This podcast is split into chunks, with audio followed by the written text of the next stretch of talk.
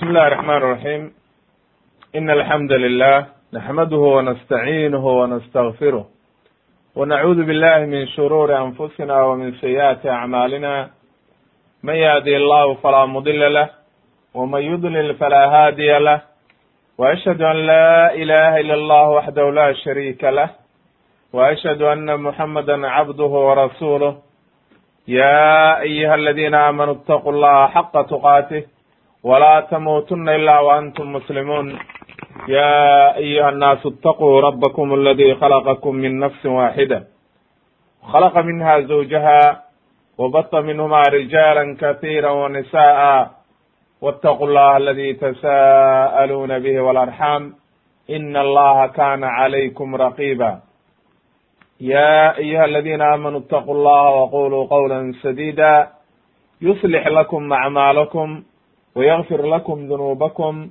ومن يطع الله ورسوله فقد فاز فوزا عظيما أما بعد فإن أصدق الحديث كلام الله وخير الهدي هدي محمد صلى الله عليه وسلم وشر الأمور محدثاتها وكل محدثة بدعة وكل بدعة ضلالة وكل ضلالة في النار in sha allahu tabaaraka watacaala qeybtii saddexaad oo waxa weeye qisatu muusa calayhi salaam almarxalatu athalitha fi qisati muusa calayhi salaam ayaynu waxa weeye sharaxaynaa haddii rabi idmo. Waxaan ugu hormaraynaa qodobka odhanaya ma kana min amri bani israa'iil bacda halaaki fircawn markii la halaagay fircown lacanahu llah oo aynu soo marnay arrintiisii oo dersigii ugu dambeeyey aynu ku soo gebagabeynay fircoon iyo halaagiisii kabacdi markaa reer bani israa'iil iyo bal waxyaalihii dhex maray iyo waxay sameeyeen iyo siday nebigii ilaahay u soo diray waxa weye nabiyullahi muusa iyo haaruun iyo bal siday uga maaragtay ma ku shukri naqeen wanaaggii loo galay iyo waxa weeye nicamkii ilaahay iyo wixii laga badbaadiyey mise waa ku kufriyeen. Qaala allahu tacaala ilahi waxa uu yidhi markuu inoo sheegay fircoon in la halaagay faاntaqamna minhum faagraqnaahum fi lyami biannahum kadabuu biaayaatina wa kanuu canha gaafiliin ilahay wuxuu yidhi waan ka aargoosanay oo xumaantii ay samaynayeen. Fircoon iyo waxa weeye dadkiisii badda ayaan ku harqinay buu yidhi ilaahay. Leanno aayaadki ilaahay bay beeniyeen oo waxa weeye ay dhinac ka mareen oo waxa weeye diideen oo ay beeniyeen marka macalshaahidkeenu hadda waxa weeye booskan qaala tacaala aayaddaa kabacdi wa awratna alqawma aladina kanuu yustadcafuuna mashaariqa alardi wa magaaribaha alatii baarakna fiiha wa tamat kalimatu rabbika alxusna cala bani israa'iila bima sabaruu wadamarna ma kana yasnacu fircaunu wa qowmuhu wma kanuu yacrisuun fi suurati alacraaf ilahay aayaddaa wuxuu inoogu caddeeyey inuu dhexal siiyey dhulkii. Reer bani israa'iil markii fircoon iyo dadkiisii la halaagay sababta loo dhexal siiyeyna ay ahayd iyagoo markii hore lagu addoonsaday dhulka oo dhibaatooyin loo geystay oo ilaahay uu yihi maaragtay kanuu yustadcafuuna mashaariq alardi wamagaaribaha alatii baarakna fiiha. Ilahay wuxuu yidhi waa la addoonsado dhibaata lagu sameeyey. Waana taynu soo marnay fircoon inuu muddo badan addoonsanayey oo ilmahooda gowracayey oo mashaakil oo dhan ku sameeyey iyagana ku shaqaysanayey oo aad iyo aad ugu dhibaateeyey ilahay marka wuxuu yidhi watamat kalimatu lxusna cala bani israa'iil. Wanaaggii o dhan baa ilaahay u dhamaystiray oo waxa weye loo dhamaystiray bima sabaruu ay bisababi sabrihim sababtay u sabreen oo waxa weeye markay sabir la yimaadeen oo dhibaatadii ay la u sabreen ayaa ilaahay wanaag ugu bedelay. Qaala ibnu kahiir raximahullah waxa uu yidhi aayadahan ilahay wuxuu inoogu sheegayaa arrintii fircoon iyo ciidankiisii. Markii la halaagay iyo waxa weeye sida looga qaaday ilaahay uga wareejiyey xukunkii iyo wanaaggii ay haysteen oo waxa weeye looga wareejiyey. Lana dhexal siiyey reer bani israa'iil jamiica amwaalihim xoolahoodii oo dhan iyo malakaatihim wax alle waxa ay haysteen. Siduu ilaahay u yihi aayad kale kadalika wa awratnaaha bani israa'iil. Ay macnaha magaaladii masar iyo wax alla wixii yiilay iyo waxa weye mulkiyaddii dhamayd oo waxa weye fircoon ilaahay wuxuu yidhi waxaan dhaxal siinay reer bani israa'iil. Fii suurati qasasna waataynu ku soo marnay ilaahay uu ku bilaabay wanuriidu an namuna cala aladiina istudcifuu fi lardi wanajcalahum a'imatan wanajcalahum alwaaritiin. Ilaahay markii hore inoo sheegay markii nabiyullaahi muusa calayhi salaam dhalashadiisii lainooga sheekeynayey inuu ilaahay doonay in uu dhaxal siiyo dhulka reer bani israa'iil oo laga wareejiyo nimankan dhaalimiinta qaala ibnu kathiir wa qaala haahuna aayaddaana ilahay wuxuu ku yidhi wa awratna alqowma aladiina kanuu yastadcafuun. Ay macnaha iyaga wey kulli waa reer bani israa'iil. Waxa ay aayadahaasi ka hadlayso nicmadiina ilaahay uu dhamaystiray wuxuu leeyahay marka imaam ibnu kathiir ahlaka fircawn ilaahay wuu halaagay fircoon. Wa umaraa'ahu iyo madaxdiisii wa junuudahu iyo ciidankiisii walam yabqa fi beledi masr siwa maaragtay siwa alcaama. Waxaa magaaladii masar ku haray dadkii caamada ahaa oo waxa weye masaakiinta ahaa wax dhaqdhaqaaqa oo kale meeshii kuma harin. Leanna sababtu waxay ahayd ciidamadiisii iyo dadkii xoogga lahaa kulli markii horu waxa weye uu soo kaxaystay oo gargaar uu doonayey inuu maaragtay nabiyullahi muusa calayhi salaam iyo reer bani israel uu ka daba tago. Kulligoodna baddaa lagu shubay oo waa wuxuu soo gurinaya ibnu kathiir wuxuu leeyahy wadakara ibnu cabdilxakiim fi taarikhi misr waa kitaab waxa weye taarikhi misr oo waxa weye uu ka qoray wadaadkaa yidhaha cabd maaragtay ibn cabdilxakiim waxa uu leeyahay taarikhda masr markuu ka sheekaynayo waktigaa laga soo bilaabo maalintii fircoon la halaagay laga soo bilaabo markii fircoon la halaagay ayaa waxaa qabsaday buu yidhi magaaladii masr tasallada nisaau masr calaa rijaaliha. Dumarkii madaxda oo waxa weeye fircoon iyo ciidamadii la halaagay dumarkii ay ka tageen gabdhihii ay dhaleen dadkii reere madaxeed ahaa iyo meeshii waxaa isku soo haray dad caamo ah oo ruucaac oo aan waxba kala garanaynin oon waxba maamuli karin oo waxa weye iska caama. Marka dumarkan maadaama ay awal ahaayeen dumar wasiira qabeen oo wasiira dhaleen oo fircoon iyo waxa weye raggiisii madaxda ay dhaleen iyagaa markaa magaalada maamulkeedii la wareegay. Waxaa dhacday bu yidhi marka maalintaa laga soo bilaabo ayaa waxay sameeyeen tazawajna waxay guursadeen biman dunahuna min alcaama. Raggoodii waa dhinteen marka.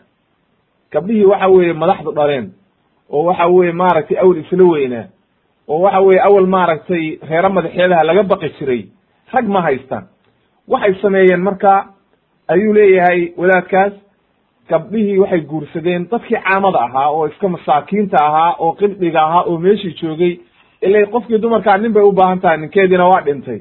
Loodkeediina ma haysato oo maanta nin loodkeediia oo guursan karana ma haysato oo kulli baddaa lagu shubay markay guursadeen marka dadkaa fa kaanat lahum maaragtay sudwatu calayhim iyagii ayaa xukunkii iyo maamulkii raggii iyagii baa xukumay.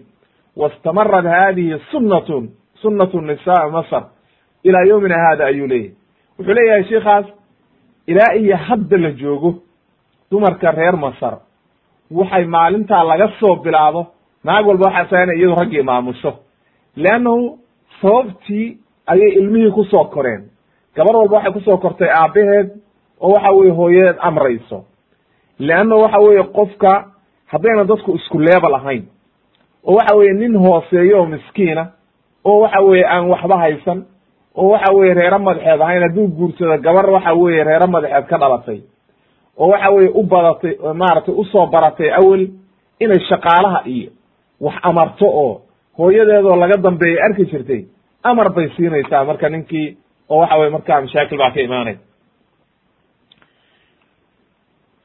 Qaala allahu tacala ilahi waxa uu yidhi wajaawaznaa bibani israa'iila albaxr marka aayadaha hore waxaynu ka ogaanay intaa qowlka ibnu kathiir iyo in waxa weye fircoon markii la halaagay loo dhiibay dhulkii oo la dhaxal siiyey maaragtay qoomkan reer bani israa'iil ilahay waxa uu yidhi fi suurati alacraaf wajaawaznaa bibani israa'iila albaxr baddi ayaan ka soo gudbinay reer bani israa'iil fircoon iyo qoomkiisiina baddi baa lagu halaagay.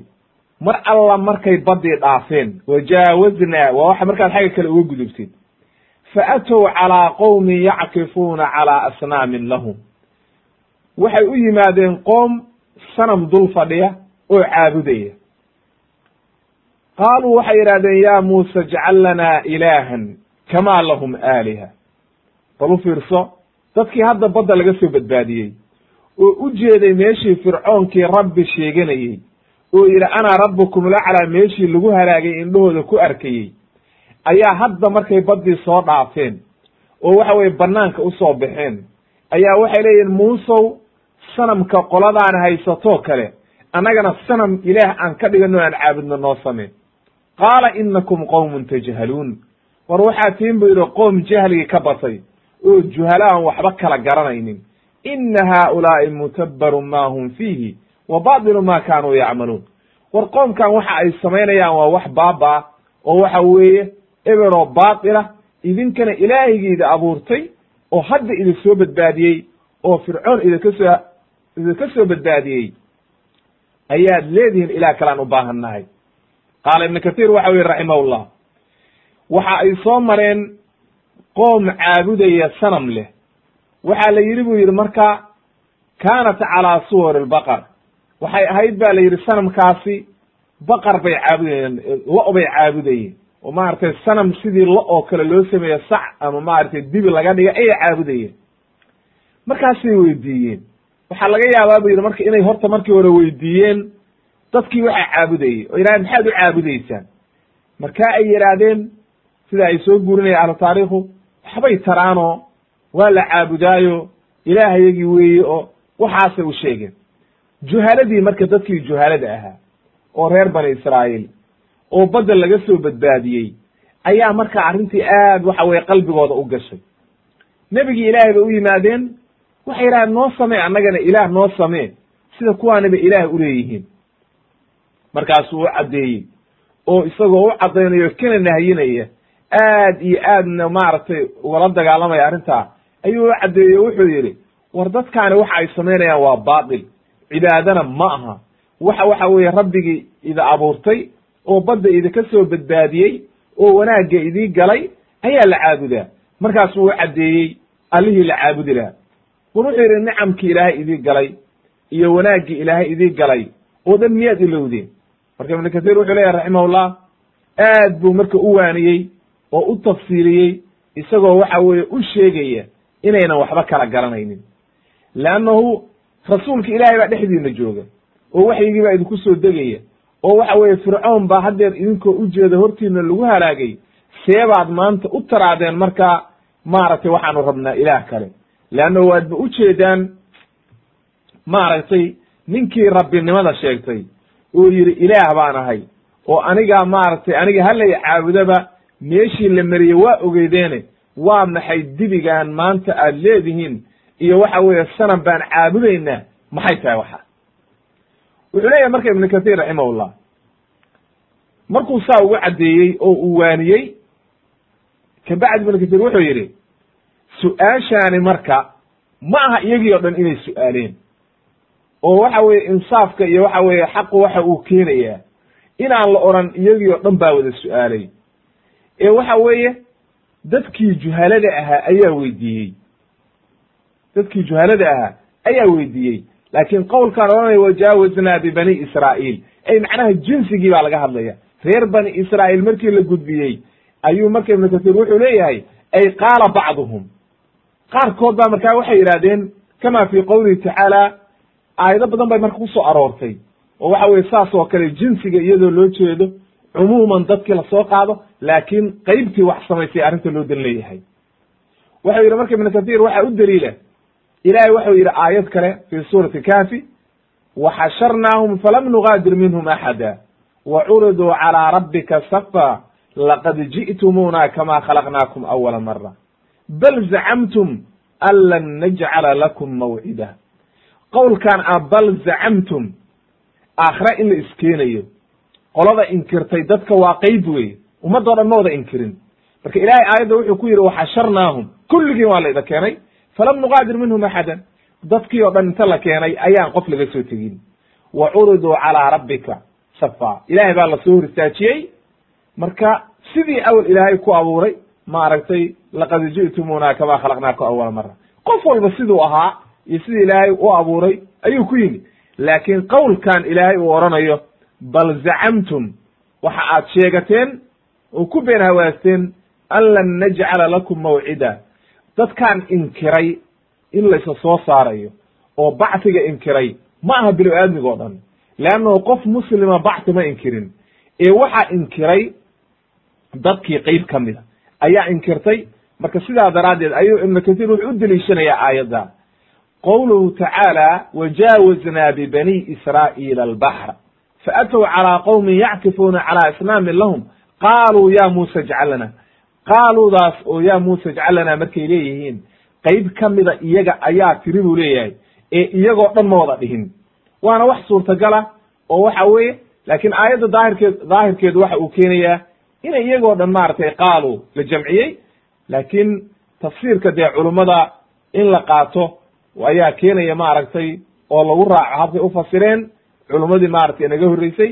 Marka waxay leeyihiin ibnu kathiir iyo ku fasirayaan qaar ka mida ayaa yiri.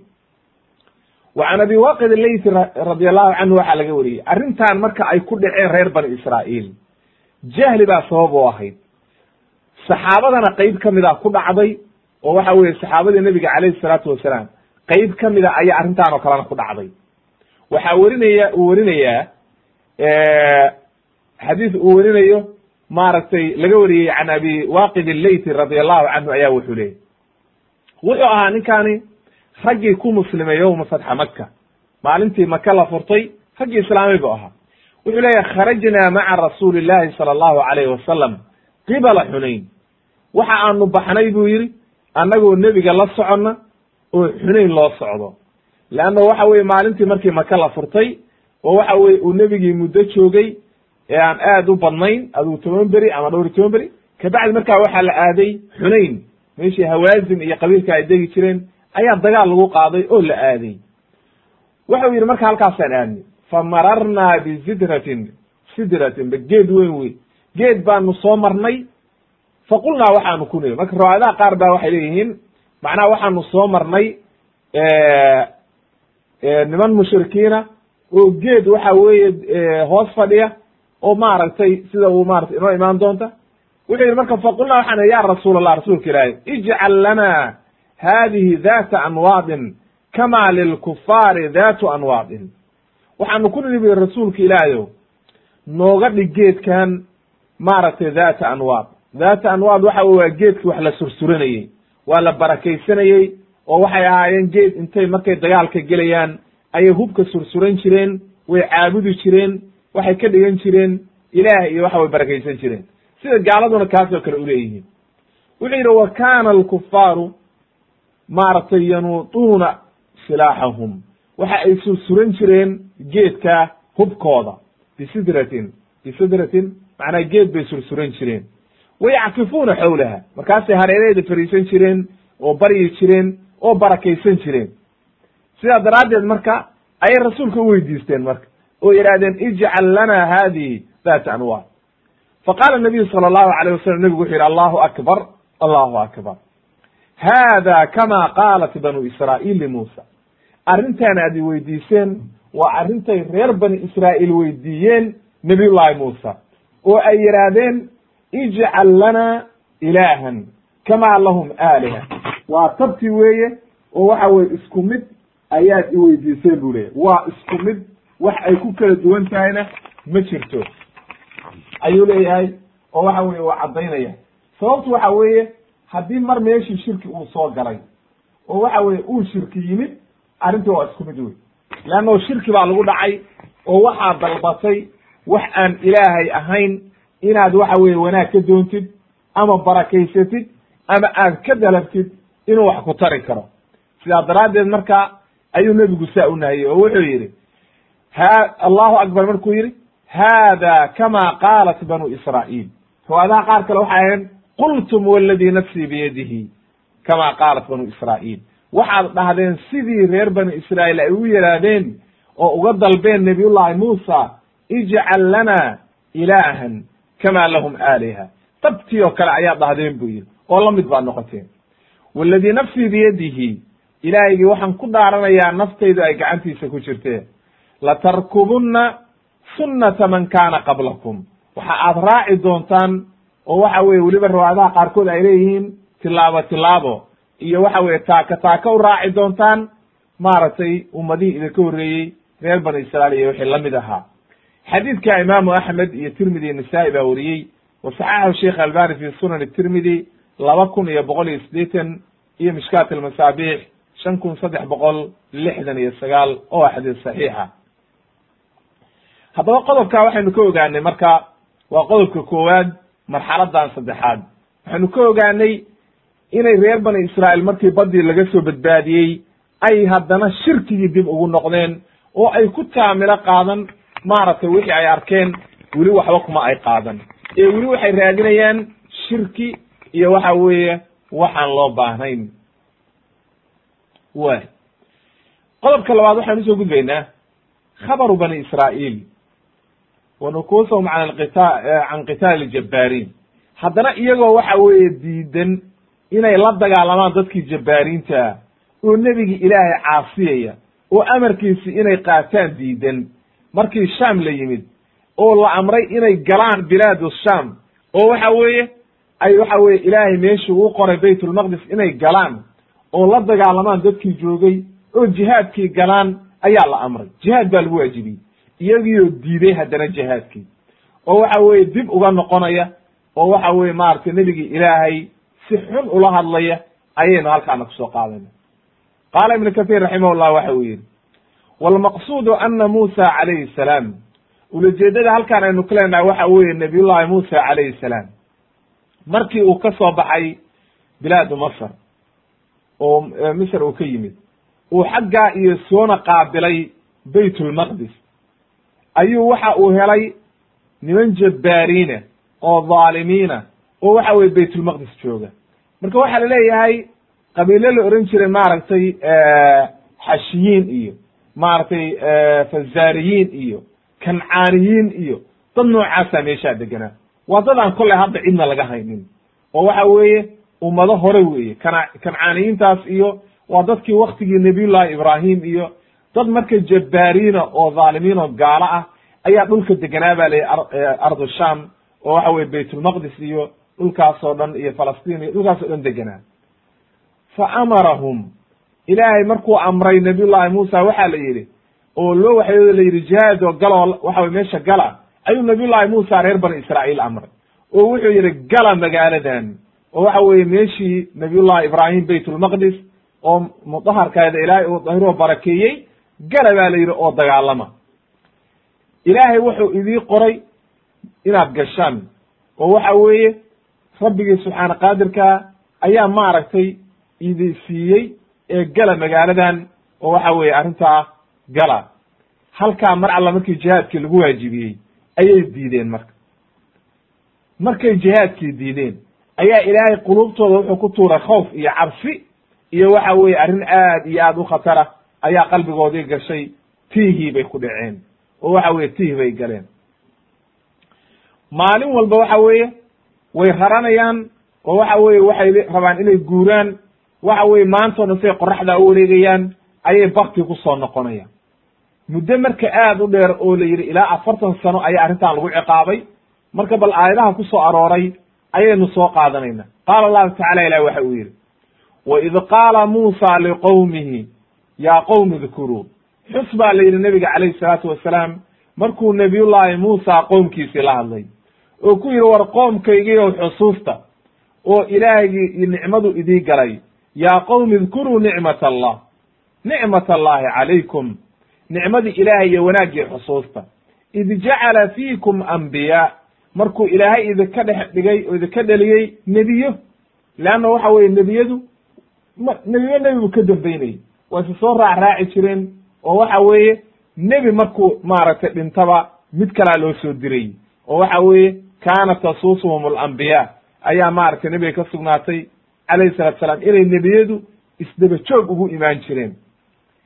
wuxuu yidhi marka id jacala fiikum ambiyaa wa jacala fiikum wa jacalakum mulukan wa jacalakum mulukan boqortooyena waa idin siiyo waxuu idinka dhigay boqoro wa aataakum ilaahay wuxuu idin siiyey maa lam yu'ti axada min alcaalamiin ilaahay wuxuu idin siiyey waxuuna dadka siinin oo waxa weye wanaag oo dhan baa la idii galaye ilaahay ka baqa wuxuu xusuusinayaa markaa nicmadii ilaahay iyo wanaaggii ilaahay u galay war wuxuu leeyahay nicmadan ilaahay idii galay ixsaankan iyo wanaaggan jihaadka intaad gashaan ilaahay uga abaalguda oo shukri naqa oo waxa weeye jihaadka ilaahay kaalaya gala fii sabiilillahi kaalay u dagaalama maxay ku jawaabeen marka dadkii markii saa loola hadlay wuxuu yidhi markaasuu jihaadkii bu amr wuxuu yidhi yaa qowmi idkhulu larda almuqadasata alati kataba allahu lakum.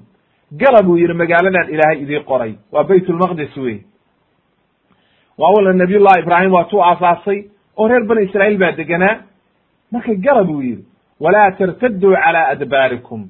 Dib dib ha u noqonina fatanqalibuu khaasiriin. Haddii aad dib u noqotaan waa halaagsamaysaan oo waxa weye dhibaata idinku dhacaysa ee waxa weeye dib ha u noqonina markii ilaahay wanaag idiin sameeyey arrintaa waxa weeye gala oo waxa weeye nicamka ilaahay ka ka abaalguda. Oo shukri naqla imaada maxay ku jawaabeen marka? Fa ajaabuu waxay yidhahdeen jawaabtooda waxay noqotay qaaluu ya muusa ina fiiha qowman jabbaariin waxaa jooga bay dhihiin qoom dhaalimiin oo aad u xoog badan. Jabbaarka waa qofka xoogga badan oo dhaalimka ah macnaha qoom jabbaariina ayaa magaalada jooga bay dheheen fulaye waa baqeen marka. Oo waxa weeye rucbi baa qalay galay qalbigoodii. Ay cutaatan kafara ayaa joogta oo niman aad u xoog badan baa jooga. Wa innaa lan nadkhulaha ma gelayna bay dheheen waa amar diido rasuulki ilaahay.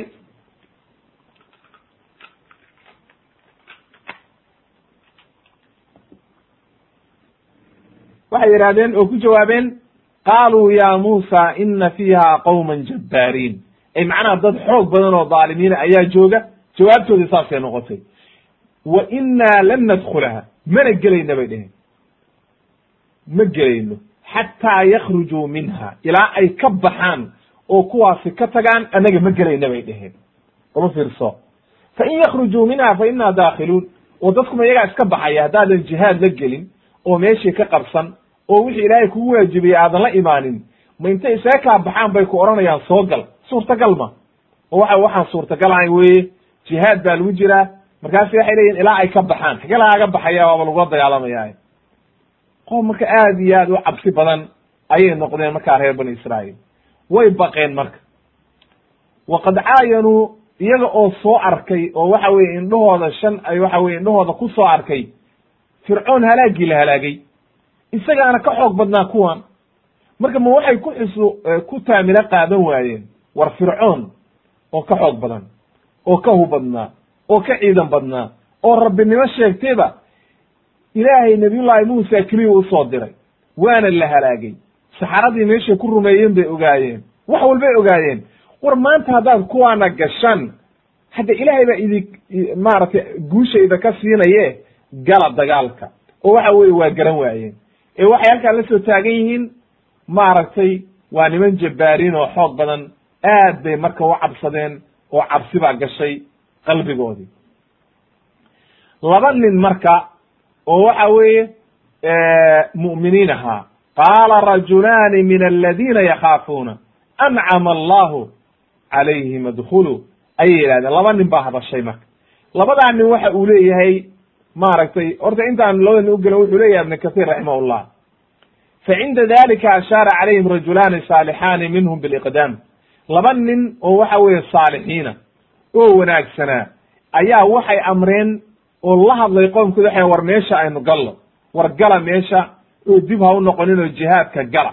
Labadaa nin waxaa la leeyahay mufasiriintu waxay leeyihiin nini waa yuushac ibnu yun maaragtay ibnu nun oo waxa weeye waa nebi inoo imaan doona waana ninkii la socday baa la yidhi nabiyullahi muusa calayhi salaam. Oo maaragtay waid qaala muusa lifataahu maaragtay qisatu maaragtay khadir markii laga hadlayey waa wiilkii la socday ba la yidhi. Oo waxa weeye fata lagu magacaabay. Marka yuushac oo dhalinyaraa ayuu ahaa ba la yidhi. Markaan marka ninka hadlaya waa yuushac ba la yidhi. Iyo nin la oran jiray kalib maaragtay ibnu yafuta ayuu yihi ibn kathir qaalahu cabdullahi ibn cabaas wa mujaahid wa cikrama wa cadiya wasudiy warabic ibn anas wagayru waxidin ayaa ku magacaabay labadaa nin oo ilaahay uu yidhi qaala rajulaani min aladiina yakhaafuuna inay ahaayeen yuushac iyo kaalib. Labadaa nin ayay ahaayeen ba la yidhi. Laba nin dee oo cilmi leh oo iimaan leh oo ilaahay ka cabsanayay ahaayeen. Markaase waxay yidhaahdeen sidaa ilaahay uu yidhi yakhaafuuna ay maaragtay yakhaafuuna allah. Ilaahay bay ka cabsanayeen. Ancama allahu calayhima ilaahay u nicmeeyey laba nin oo ilaahay u nicmeeyey. Islaamnimo iyo iimaan iyo daaciyo wanaag iyo shujaaco iyo geesinimo. Ayaa waxay yidhahdeen udkhuluu calayhim albaaba war albaabka ka gala oo waxa weeye magaalada albaabka laga gelayo intaad gashaan waxa weeye dagaalama. Fa idaa dakhaltumuuhu fa inakum gaalibuun haddii aad gashaan idinkaa guulaysanayo ilaahay idinla jiraa rasuulka ilaahay baa idinla socda ilaahay baa idin gargaaraya gala meesha cabsaninin wa cala allahi fatawakkaluu in kuntum mu'miniin. Ilaahayna tala saarsada haddii aad tihiin kuwa mu'miniina oo waxa weye ilaahay ka cabsanaya. Haddaba markay saa ula hadleen macnaha haddaad ilaahay tala saarataan oo meesha gashaan oo waxa weye aad bay ugu booriyeen ilaahay waa idii gargaarayaa ilaahay fircoon ba idinka gargaariye oo kuwaan ka xoog badnaaye maxaad u cabsanaysaan? Gala meesha ayay yidhaahdeen. Fa ajaabuu way ajiibe waxay ku jawaabeen bal u fiirso. Tii mid ka daran bay ku sii jawaabeen. Qaaluu waxay idhahdeen ya muusa innaa lan nadkhulahaa abadan maa daamuu fiiha. Weligaya ma gelayna bay dheheen inta kuwaasi joogaan. Weligaya ma gelayno fadhab haddana waa ka sii dareen. Waxay idhahdeen fadhab anta wa rabbuka faqaatila innaa haahunaa qaaciduun subxaana allah waxay idhahdeen adiga iyo rabbigaaga orda israaca waxaad moodaa marka halkaa inayna iyagu rabbi u ahaynba maba rumaysna miyaa rabbigood iyagu muusa bay waxay leeyihiin adiga iyo rabbigaagu israac annagu waxa weye ma gelayna meesha umana soconno orod gal haddaad gelaysid ilaahayna ha kula dagaalamo annagu ma gelayno canaad weeye marka waa nooc min alcanaada oo aad iyo aad u khatara leanna waxa weeye kufri baa ka muuqdo waxay leeyihiin adiga iyo rabbigaagu orda dagaalama annagu ma gelaynin fa cinda dalika qaala muusa rabbi inii laa amliku ila nafsii wa akhii fafruq baynana wa bayna alqowmi alfaasiqiin ilaahay buu yidhi anigu naftayda keliya iyo walaalkay labadeedaasaan nahay jihaadkaana diyaar baan u nahay qoomkaana anigu ma khasbi karo ilaahu sida xaqaa nagu kala saar annaga iyo dadka dhaalimiinta ah oo faasiqiinta. Hay iqdi baynana wa baynahum. Ilaahuna xukmi marka. Waad u jeedaa waxay sameeyeen. Halkaa ayuu markaa ilahay wuxuu yidhi qaala fa inahaa muxaramatun maalintaasaa laga xarimay. Xaaraan bay ka tahay baa la yidhi inay galaan baytulmaqdis arbaciina sanatan. Afartan sano inay galaan xaaraan bay ka tahay. Yatiihuuna fi lardi tiihii baa lagu riday marka tiihu marka waxa weye waa qof jah waa jahwareer meelaad u socotid iyo meel kale ma taqaanid waxaad doonaysid ma taqaanid maskaxdoo dhan baa ku wareersan. Waad iska socotaan waa qof waalan tiihi baa lagu riday marka. Yatiihuuna fi lardi dhulkaa wareegeen ba falaa ta'sa cala alqowmi alfaasiqiin dadkaan faasiqiinta oon ilaahay ka cabsanaynin ha ka murugoon ba la hana ka xumaanin marka muuse. Oo ilaahay wuxuu ku xukmiyey inay afartan sano iska daba kalaabtaan oo tiihaa ku jiraan wuxuu leeyahy ibnu kahiir raximahullah cuuqibuu calaa nukuusihim calaa nukuunihim. Macnaha markii ay ka leexdeen oo dib u noqdeen oo waxa weye ay gaalnimadii dib u noqdeen oo waxa weye ay diideen jihaadkii ayaa waxaa lagu ciqaabay tiih baa lagu ridi. Dhulka ayay wareegayaan bali marka tiihu waxa weeye inuu qofkii socdo ilaa gayri maqsidin laylan wa nahaaran wa sabaaxan wa masa adigoo meelaad u socotid aan aqoon. Habeen iyo maalin waad iska socotaa laakiin meelaad u socotid ma taqaanid. Tiihu waa nooca. Waxaad doonaysa ma taqaanid. Waad socotaa un adigu waa qof waalan oo kale. Waxaa la yidhi buu yidhi marka ibn kathir inahu lam yakruj axadun min atiihi minman dakala qof reer bani israa'iil dadkii tiihaa galay ba layidhi oo maalintaa xukumkaa ku dhacay qof ka mida kama bixin ba layidhi kulligood waxay ku dhinteen ba layihi afartankii sane ku baabi'een walam yabqa ila ilaa daraarihim duriyadoodii ay dhaleen intay tiihaa ku jireen oo afartankii sanoo iska daba kalaabanayeen wixii ay dhaleen unbaa haray ba la yidhi. Iyo labadii nin oo wanaagsanaa oo yuushac iyo kalib oo waxa weye labadii nin oo yidhi war magaalada ha la galo oo aynu dagaalanno oo jihaadka gallo ilaahay ka cabsada labadii nin ayaa ka haray bani xataa nabiyullaahi muusa iyo nabiyullaahi haaruun kulli waxay ku dhinteen afartankii sanoay wada dhinteen oo waxa weeye afartankii sano ayaa reer bani israa'iil. In alla intii laga soo badbaadiyey waxa weeye maaragtay fircoon oo halkaa timid oo jihaadkii diiday oo amarkii ilaahay diiday afartankii sanay dhammaadeen maxaa soo haray marka duriyadoodii ilmihii ay dhaleen ayaa kabacdi markaa farcamay oo waxa weye ay noqotay inay maaragtay dib reer bani israa'iil uga farcamaan. Waxaan marka muqaarana ku samaynaynaa oo isbarbar dhigaynaa. Nebi maxamed calayhi salaatu wasalaam saxaabadii la socotay maalintii beder oo waxa weeye arrintu ay aad iyo aad uga adkayd oo qurayshoo dhan hubkoodii wadata ciidankoodii wata kulli waxa weeye halkaan soo saftay oo ay ay tahay maalintii ugu horreysay dagaal oo aan horay u arkin gaaladiio ilaahay uu halaagay. Bal wixii ay yidhaahdeen markuu nebigu yidhi ashiiruu calaya ayuha annaas ila tashada markuu yidhi. Waxa weeye dagaalka bederna habkuu ku bilaabmay waxay ahayd sida siiradu maaragtay ay caddaysay in markii hore safar abu sufyaan iyo watay meesha la rabay in maaragtay safarkaa keliya laga qabsado quraysh laakiin markuu fakaday abu sufyaan oo qurayshi warkii maqashay inay ciidankeedii oo dhan ay halkaa isugu yimaadeen. Abu jahal uu hogaaminayo oo waxa weeye kun iyo ziyaada. Nebiga iyo saxaabaduna ay ahaayeen dad aad u yar oo saddex boqol iyo dhowr iyo toban lagu sheegay. Waxaa dhacday marka ma iyo marka muqaaranaan ku samaynayna waa isbarbar dhigaynaa.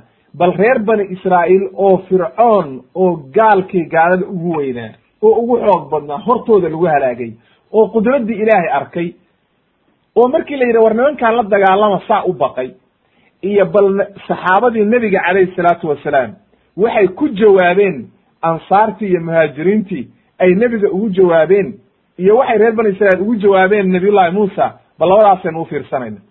Marka hadda haddaynu reer bani israiil soo marnay oo yidhaahdeen inaa lan nadkhulaha abada ma daamuu fiiha fadhab anta warabuka faqaatila ina haahunaa qaaciduun iyagu saasay go'aankoodii noqday annagu ma gelayna bay halkaanaan fadhiyayna adiga iyo rabbigaagu israaca marka halkaa waxa weye arrin aad iyo aad u khatar ay ku hadleen oo xun laakiin bal u fiirso nebiga calayhi salaatu wasalaam saxaabadiisi waxay ku hadleen maalintii beder waxaa dhacday nabiyullahi nebi maxamed calayhi salaatu wasalaam ayaa wuxuu la hadlay saxaabadii wuxuu ku yidhi markuu la tashaday oo yidhi ila tashada ayaa muhaajiriintii baa hadlay. Abubakar baa hadlay. Cumar baa hadlay. Rag badan oo muhaajiriintii hadlay. Oo waxay rasuulka ilaahay aan dagaalanno oo waxa weye rabbigii subxaana qaadirkaa baa noo gargaaraya ee waxa weeye sidii ilaahay ku tuso ku soco oo nimankan waxa weeye aan la dagaalano waxa weeye dalkayagii iyo diintayadii bay naga fidneeyeen ummaddii o dhan bay kharibeen aan la dagaalana ilahay baa nooga guulays nooga guu maaragtay guusha naga siinaye markaasuu nebiga calayhi salaatu wasalaam waxa uu fiiriyey. Haddana wuxuu yidhi ashiiruu calaya ayuha annaas sababtu maxay tahay? Uu nebigu uu celcelinayo. Waxay tahay reer ansaar nimankii ansaarta ahaa.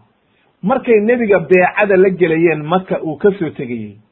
Wuxuu yidhi haddaan idii imaado beeca uga gala inaad iddifaacaysaan oo waxa weeye aad wax walba nafteeda u diidaysaan waxaad ilmihiina iyo xaasaskiina u diidaysaan taasay beeca kula galeen inaad difaacaysaan wuxuu marka nebigu is yidhi amay ansaari is yidhaahdaan dee hadda nebigu isagaa weerara oo madiine ka soo baxay oo meeshii la rabay inaanu ku difaacno isagaa ka soo tegey marka hadda hadda waxa weeye beecadii aan la galnay xaq nooguma leh.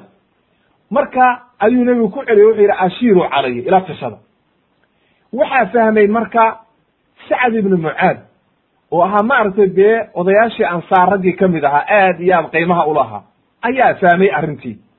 Markaasuu wuxuu yidhi kaannaka tucaridu ya bina ya rasuul allah waxaad annagaad noo dan leedahay miya.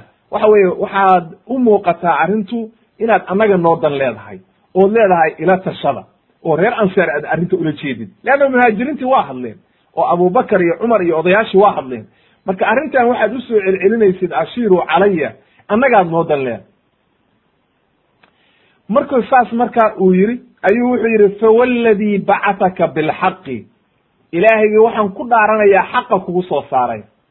Haddii aad hadda waxa weeye baddaa nala jiidhid oo badda geshid lakhudnaahu macaka waa kula waa kula gelaynaa buyi haddaad hadda baddaa intaa geshay oo quusid fakhudtahu lakhudnaa macak lakhudnaahu macak. Haddaad meel kale iska daaye baddaa hadda aad tidhaahay baddaan gelayaaye ila gala waa kula gelaynaa bal dad lala dagaalama iska daaye ile dad waaba laga carari karaaye. Laakiin haddaa baddaa nala jeedid inaan hal nin oo naga mida inuuna ka harayn bu yidhi hal nin oo naga mida inuuna kaa harayn bu yidhi mana karaahsanayna bu wama nakrahu an an tulqa an maaragtay an nalqa an tulqaa bina caduwana qadan mana karaahsanayno oo ma diideyno oo dhib naguma hayso. Beri subax inaad waxa weye la kulantid cadowga oo aanu waxa weye la dagaalano waxaanuna nahay buu yidhi haddaan ansaar nahay dad u sabra oo waxa weeye xarbiga iyo dagaalka aad ugu sabra oo ka run sheega liqaa'a iyo dagaalka iyo jihaadka. Waxaa laga yaabaa buu yidhi lacala allahu an yuriyaka bina mina ma taqr ma taqaru bihi caynuka waxaa laga yaabaa buu yidhi inaad waxa weye ilaahay naga kaa tusiyo oo aad naga aragtid ma taqaru bihi caynuka. Wax indhahaagu ku doogsadaan oo aad ku faraxdid ee waxa weeye fasir bina calaa barakat illah ku soco barakadii ilaahay iyo sidii ilaahay ku tusay naxnu macaka oo waxa weye waan kula soconnaa ee waxa weye hawelwelin rasuulka ilaahay. Saa markuu marka sacad u hadlay ayaa rasuulkii farxay aad u farxay oo wejigiisa laga gartay riwaayado kale waxay leeyihiin markuu saas maaragtay arrintaasi dhacday ayaa waxaa hadlay xadiis kale wuxuu ahaa ana almiqdaad ayaa miqdaad baa hadlay oo wuxuu yidhi rasuulkii ilaahay markuu yowma beder maaragtay joogay ayuu wuxuu yidhi maalintii markuu dadka la tashaday ya rasuul allah innaa laa naqulu laka kuma odhanayno kamaa qaalat banu israa'iila limuusa siday reer banu israa'iil u yidhaahdeen muusa calayhi salaam idhab anta warabbuka faqaatila inaa haahunaa qaaciduun. Annaga kuma odhanayna buu yidhi saas oo kale. Laakiin waxaan ku leenahay buu yidhi idhab anta warabbuka adiga iyo rabbigaaguba socda oo waxa weeye dagaalka gala faqaatilaa dagaalama. Innaa macakumaa muqaatiluun. La jirkiina annagoo idinla jirna ayaan idinla dagaalamaynaa oo hal qof naga harimaye gala dagaalka. Oo waxa weye adiguna dagaalka gal ilaahayna tala saaro guushana ilaahay waa ku siinaya annagana waa kula soconnaa oo hal qofoo naga mida harimayo marka xadiidka imaamu axmed iyo ayaa wariyey maaragtay wasanadu saxiix calaa shardi albukhaari oo waa xadiis saxiixa halkaa marka maxaynu ka garanay muqaaranadaas laysbarbar dhigayo inayna marka isku dhoweyn leanno reer bani israa'iil nebigoodii waxay ku yidhahdeen idhab anta warabbuk faqaatulaa ina qaaciduun. Saxaabaduna waxay ku yidhahdeen nebi maxamed adiga iyo rabbigaaguba dagaalka gala annaguna macaagaan nahay oo waxa weye meel alla meeshaad nala geshid waa kula gelayna riwaayadaha qaar waxay ahaayeen rasuulki ilaahay waanu ku rumaynay oo rasuulnimaan kuu rumaynay oo waxa weye diin baad noola timid. Xaqaagii baanu aragnay. Wax alla waxaadna aragtidna samca wa daacan wax alla waxaadna amartid samca wa daacan baa nahay oo waxaan diidayna. Ma aha ee gal dagaalka oo waxa weye maaragtay ilaahayga subxaana qaadirkaa ayaa wanaag naga kaa tusaye gal dagaal haddaba marka wanaaggaasaa loo baahnaa reer bani israa'iil inay la yimaadaan wanaaggii marka ilaahay waxa uu waafajiyey nebi maxamed calayhi salaatu wasalaam iyo saxaabadii ayaa ilaahay wanaaggaa waafajiyey saasay marka ummaddaani u noqotay ummad ka khayr badan ummaddii reer bani israa'iil oo waxa weye maaragtay ilaahay uu khayr oo dhan siiyey leanno nebigoodii bay adeeceen nebigii bay warkii ka maqleen oo waxa weeye aynan marnaba khilaafin ridwaan ullahi calayhim. Saasay marka saxaabadii waxay u noqdeen yowmu beder ilaa uu nebigu ka yidhi laa yadkhulu nnaara naarta ma gelayo maaragtay man xadara beder wa uxud maaragtay xudaybiya saddexdaas dagaal oo aad iyo aad khatarta u ahaa oo waxa weeye aad u adkaa nebigu wuxuu yidhi qofkii xaadiray ma gelayo naar.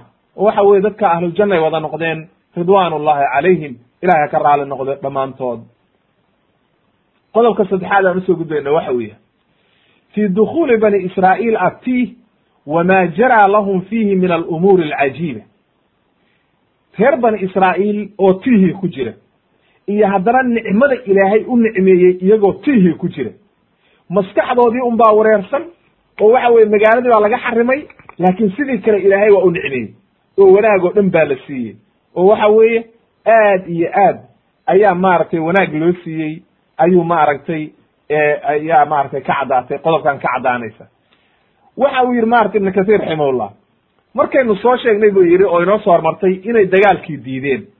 Ilaahayna uu dushooda ku waajibiye lagu ciqaabay tihi laguna xukumay afartan sano inay dhulka wareegaan. Ilahay qaala allahu tacala ilahi waxa uu yidhi yaa bani israa'iila reer bani israa'iil. Markuu ilaahay ugu mana sheeganayo wanaaggii uu siiyey iyagoo tihi ku jira xataa ayaa wanaag la siiyey. Oo wanaag loo galay. Yaa bani israa'iila reer bani israa'iilo qad anjaynaakum min caduwikum. Waxaan idinka badbaadinay cadowgiinii ay fircawn wa waacadnaakum. Waxaan idinkula ballannay ay nabiyullaahi muusa iyo iyagii.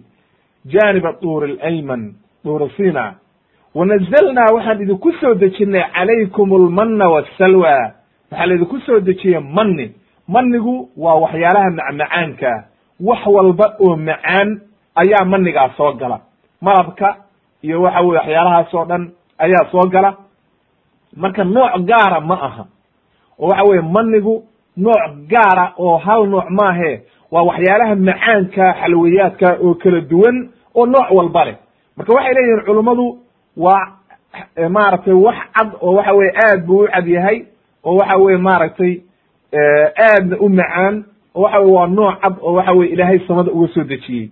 Laakiin waxyaalo badan baa ka mid a oo waxa weye maaragtay nooc walbaa soo gelaya ayay leeyihiin. Gadaal bayna inooga imaanaysaa markay culamada tafsiirinayaan wasalwa salwuna waxa weye waa shimbiraha oo waxa weye hilib shimbireed wey kuluu min طayibaati ma razaqnaakum cuna baa la risaaqadaa ilaahay iyo wanaaggaa ilahay idiin soo dejiyey. Walaa tadgaw fiihi. Ha ku xadgudbine. Fayaxila calaykum gadabii haddii aad ku xadgudubtaan wanaaggan ilaahay waa idiin caroonaya. Oo carada ilahay dushiina ku dhacaysa. Waman yaxlul alay waman yaxlul calayhi gadabii faqad hawa. Qofkii ilaahay u caroodana waa khasaaray markaa dhibaataa ku dhacday oo wuxuu ku hoobtay naar iyo jahannama wa inii lagafaarun liman taaba waxaana ahay bu yidhi ilaahay mid u dembi dhaaf dembi dhaaf badan liman taaba kii ii toobad keena. Wa aamana wa camila saalixan uma htada saddexdaas shardi qofkii laga helo ilaahay waa uto waa ka toobad aqbalayaa. Qofkii toobad keena iimaan saxiixa la yimaada camal wanaagsan sameeya hanuunsanaadoo dariiqa xaqaa ku taagnaada. Qaala ibnu kahiir raximahullah waxa uu yidhi ilaahay aayaddan wuxuu inoogu sheegay aayadahan inoogu sheegaya reer bani israa'iil wanaaggii loo galay bacda halaaki fircoon ilaahay wanaag inuu ka badbaadiyey dhibaatadii. Markuu ka soo badbaadiyey gumaysigii iyo dacfigii lagu hayey iyo waxa weye addoonsigii oo waxa weye baddii loo kala jeexay bannaankana la soo dhigay.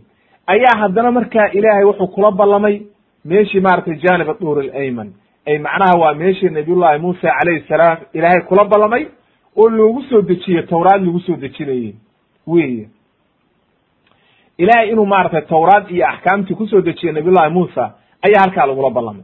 Fi dunya waalaakhira wax alla wixii anfaci lahaa in loo soo dejiyo oo diin la siiyo oo waxa dariiqa xaqaa lagu toosiyo. Halkaa marka waxa uu leeyahay ibnu kathiir safarkoodii markay ku jireen oo ay soconayeenba ayaa haddana markaa safar bay ku jiraan buu yidhi oo waxa weye baddii bay ka soo tillaabeen.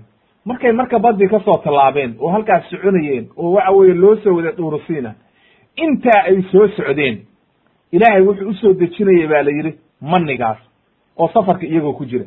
Leanna waxa weeye dhul beeran mayaan oo waxa weeye safar dheer baa la gelaya safarkaa dheer marka subax walba iyo galab walba waxa u soo degayay ba layidhi subaxdiina ilaahay wuxuu u soo daadinayey waxyaalaha macmacaanka oo waxa weeye guryahooda meeshii ay degaan ayuu nin walba subaxdii gurigiisa iridiisa loogu soo daadinayey macmacaanka inuu ku quraacdo galabtii markay noqotona waxa weeye bahashaa waxa weeye hilibkaa shimbiraha oo waxa weeye maaragtay ayaa loo soo daadinayay. Wuxuu leeyahy marka ibnu kathiir waxaa la yidhi buu yidhi manigaa loo soo daadinaya qof walba subaxdii waxaa loo soo daadinaya wax ku filan maalintaa oo waxa weeye maalintaas unbu bay ku filay hadduu is iraahdo biri wax u dhigo waa qurmaysa. Laakiin hadduu wax badan intuu qaato uu maantao dhan cuno waa uu cunaya hadduu wax yar qaatona waa ku filanta oo qofku waxa weeye isagu ilaa uu naftiisa isagu ka dhergo waa ku filanta manigaas waa waxa aad iyo aad u macaan oo waxa weye xalawiyaad aad u macaan. Salwigana wuxuu yidhi galabtii baa loo soo daadinayey leanno waa waa shimbiro oo waxa weye hilibkii shimbiraha oo aad iyo aad iyagana u macaan. Oo waxa weye habeenkii bay ku cashaynayeen arrintaa marka markay heleen oo waxa weye aad iyo aad u wanaagsan oo waxa weye maaragtay aysaana quraacdii iyo cashadii iyo qadadii wax walba haystaan. Ayaa haddana waxaa la dul keenay. Hoos. Xilli waxa weye qorax kuleylaa lagu jiray. Markaasaa ilaahay waxa uu yidhi wadallalnaa calaykum alghamaama markay soconayaan hataa daruur baa dul socota. Oo waxa waa saxaabta hamaamka waa daruuraha. Daruur baa dul socota. Oo waxa weye qoraxdii baa laga celinaya. Balufas inta wanaag loo loo sameeyey. Waa la dherjiyey faakahaysi bay ku jiraan qoraxdiina waxa weye waa laga celinayaa oo waxaa dushooda haraysan haraynaysa maaragtay daruur. Ayaa saa u dul socota. Markaasaa waxaa la yidhi kuluu min risqi illah min dayibaati ma rasaqna wanaaggaa cuna oo ku barwaaqooba oo waxa weeyaan ku gaaloobinin. Marka sidaa daraaddeed ayay marka aayad kale ilaahay ulahaa kuluu mima ma razaqnaakum wama dalamuuna walakin kanuu anfusahum yadlimuun naftooday dulmiyeen annaga waxba namay dulmiyin wanaaggaa cuna baa la yidhi oo wanaaggaa ka faa'idaysta laakiin iyagii baa naftoodii dulmiyey oo ku kufriyey markaasaa ilaahay halaagay oo waxa weeye dhibaatadaasi ku dhacday marka wuxuu leyahy ibnu kathiir subaxdii waxaa loo soo dejinayey maniga galabtiina waxaa loo soo dejinayey hilibkaa bi waxaana markaa waxa weeye waxaa dhacday buu yidhi marka iyagoo saas haddana wanaaggaa u haysta ayaa haddana biyihiina dhulka looga soo daayay. Oo waxa weeye nabiyullaahi muusa markii ay biyihii u baahdeen ayaa waxaa la yidhi dhul dhagaxa inta ku dhufatid. Waxa weye dhagaxa usha ku dhufo laba iyo toban ilood bay u noqonaysaa ba layidhi oo biyaa uga soo baxaya. Oo waxa weeye laba iyo toban qabiil bay ahaayeen leanno reer bani israa'iil waxay ku abtirsadaan baynu nidhi laba iyo tobankii wiil oo yacquub uu dhalay calayhi salaam. Waatuu marka ilahay lahaa aayad qur'aana waid istasqaa muusa liqowmihi faqul nadrib bicasaaka alxajar fainfajarat minhu itnataa casharata cayna qad calima kulu unaasin mashrabahum kuluu washrabuu min risqi illah walaa tactow fi lardi mufsidiin. Aayaddaasu ilahay inoogu caddeeyey ila nabiyullahi muusa markuu ilaahay weydiinayey oo waxa weeye uu roob doonay oy biyo u baahdeen.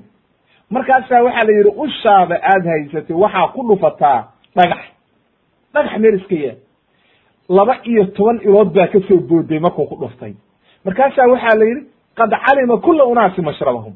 Qabiil walba laba iyo tobankii lafood qabiil walba il buu ka cabaya oo reer walba meeshuu deganaa il baa loo jeexay. Halkaa ka cabe oo barwaaqadaa ku jira. Bal saddexdaasaa la isugu daray daruur baa dusha ka hoganaysa. oo biyihii bay cabbayaan oo macaana oo ilaahay u soo daayey. oo waxa weeye mani iyo macaan baa loo soo daadinaya. oo hilib baa loo soo daadinaya. cuna baa la yidhi marka nicmada. oo barwaaqooba oo waxa weeye adduunyada waxayda ka maqan ma leh. aakhirana waxa weeye nebigii ilaahay baa dhex jooga. oo axkaamtii baa ku soo tegeysa oo tawraad baa loo soo dejiyey. war wanaaggaa ku raaxaysta ba layidhi oo dacfigii iyo gumaysigii iyo xamaaligii laydinka soo saaray ka shukri naqa. Oo waxa weeye fircoon sidii loota idii gelayey oo idi halaagayey oo dhibaatadeedu ku sameeyey ilahay u shukri naqa marka. Wa hada wa hadihi nicmatun cadiim nicamun cadiim min allah. Ilaahay nicmo aad u weyn buu u galay oo aad iyo aad u wanaagsan. Laakiin miyay ka shukri naqeen? Oo waxa weeye ay arrintaas sameeyeen. Wuxuu leeyahy ibnu kahiir raximahullah nicmadaa ilaahay u galay famaa racawhaa xaqa ricaayatiha ma aynan ilaalin buu yidhi nicmadii wanaaggii loo galay ma aynan ilaalin shukrina lama ay imaanin laakiin in badan oo ka mid a ayaaba waxay la yimaadeen inay nicmadii ku kufriyeen oo maxay yidhaahdeen intay nabiyullaahi muusa u yimaadeen bay waxay yidhahdeen muusow annaga manigaan la soo daadinay iyo waxa weeye biyahan durduray iyo waxa weeye daruurtan waxaan maba rabnaba ee maxaa rabtaan waxaan rabnaa dhulka inaanu beeranno oo waxa weeye basal iyo maaragtay baashaan cadaska la yihahdo waxa weye waa misirta baashaan yaryarta ah oo diirta ka yaryar. Waxyaalaha noocaasa iyo qudaarta dhulka ka soo baxda oo beeraha waxaasaa rabna haddaba dad la soo addoonsan jira oo beera feli jiray.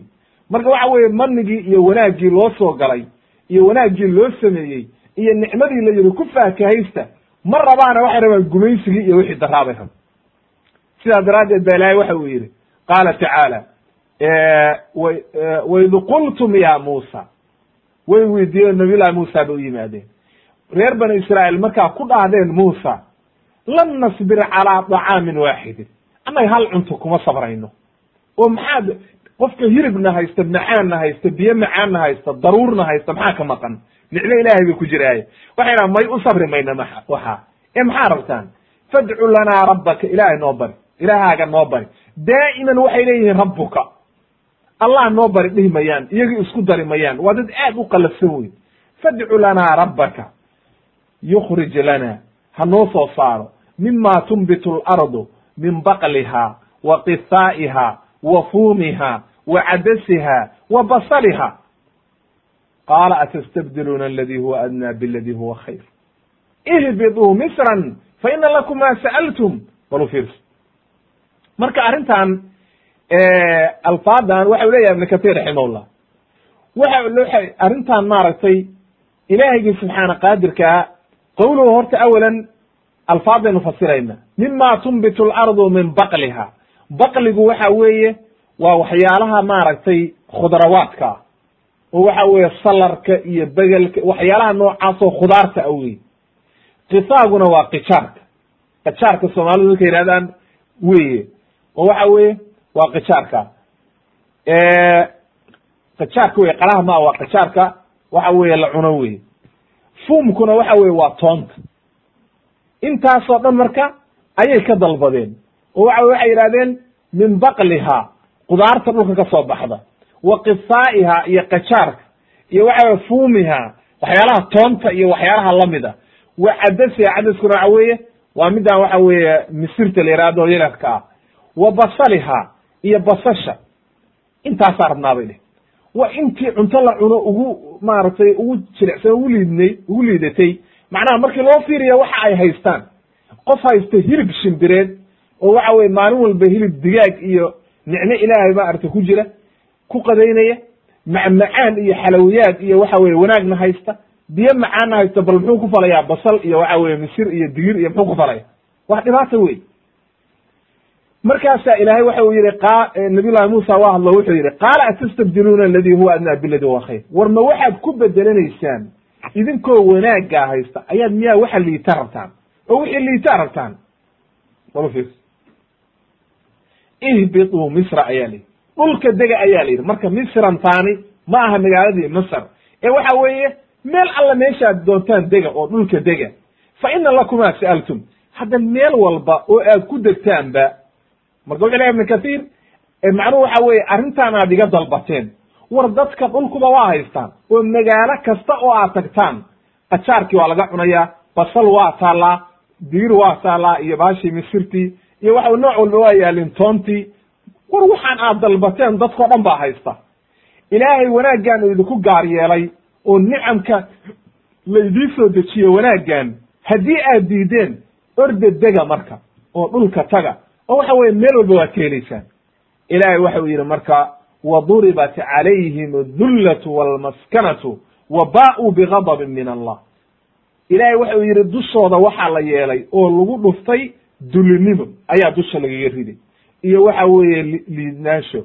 Wa ba'uu waxay la tageen oo la noqdeen bigadabin min allah ilaahay caradiisii. Dalika biannahum sababtaasna waxaa keentay ilaahay ugu carooday kaanuu yakfuruuna biaayaati illah aayadihii ilaahay bay ku gaaloobayeen wa yaqtuluuna nebiyadiina waa dilayeen bigayri xaqin xaqdaray ku dilayeen dalika bima casa wa kaanuu yactaduun leanno nabiy llaahi muusa kabacdi nebiye badan bay dileen reer bani israa'iil oo aad iyo aad u fara badan ayay gowraceen ilaa ay maaragtay culammada qaar leeyihiin hal maalin bay waxay dileen intaasoo nebi marka waxa weye dad qallafsan oo aad iyo aad u qallafsan ayay ahaayeen haddaba wa kulu hadihi sifaat. Almadkuura waxa weeye sifaatkaa la soo sheegay oo dhan. Arrintaasoo dhan waxa weeye reer bani israa'iil way la yimaadeen. Kamana ayna wixii laga nahiyeyna kama ay joogsan. Wanaagiina kama ay shukri naqin. Leanna waatuu ilaahay yidhi markii horeba kuluu min tayibaati ma razaqnaakum. Walaa tadqow fiihi. War ha ku xadgudbinina wanaagga la idii galay xadgudub ha samaynina oo gardara ha samaynina fayaxilla calaykum gadabii caradayda ayaa idinku xalaal noqonayso idinku dhacaysu yidhi ilaahay haddii aad xadgudubtaan waman yaxlil calayhi gadabii faqad hawa. Qofkii waxa weye ilaahay u caroodana halaag baa ku dhacay. Haddana markaa maxaa la yidhi? Intaasoo halaaga markii looga digay ayaa wuxuu yidhi ilaahay wa inii lagafaarun liman taaba wa aamana wa camila saalixan tuma htada haddana ma ay toobad keenin ilahay wuxuu inoo caddeeyey qofkii toobad keena oo ilaahay u soo noqda. Rabbigii subxaana qaadirkaa waa ka toobad aqbalaa waana hanuuniyaa dariiqa xaquuna ku ridaa laakiin ma ay soo noqon iyadu. Haddaba halkaa waxay nooga caddaatay qodobkaana.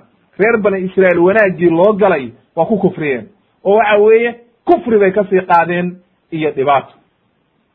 Way waxaan u soo gudbaynaa qodobka afraad oo odhanaya. Muusa calayhi asalaam yas'alu rabbahu maaragtay ru'yat allah nabiyullahi muusa calayhi salaam oo ilaahay weydiisanaya in uu arko.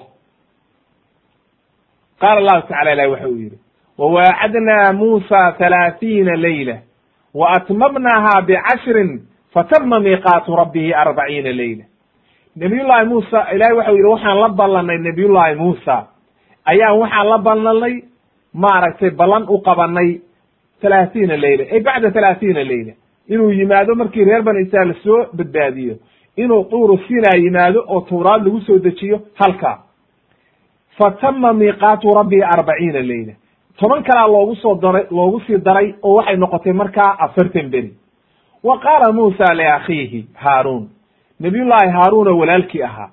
Ayuu uga tegey oo waxa uu yidhi maaragtay haaruuna lufnii fi fii qowmi iiga dambe oo la joog oo reer bani israa'iil anigu ilaahay baan u degdegaya oo waan sii soconayaaye.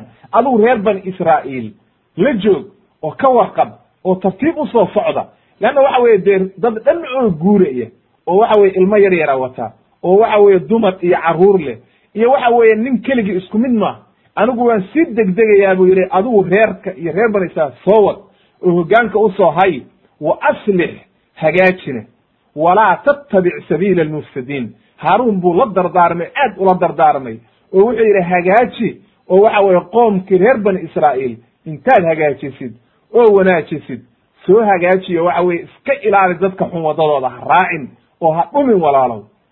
Walama jaaa muusa limiiqaatina wa kallamahu rabbuhu.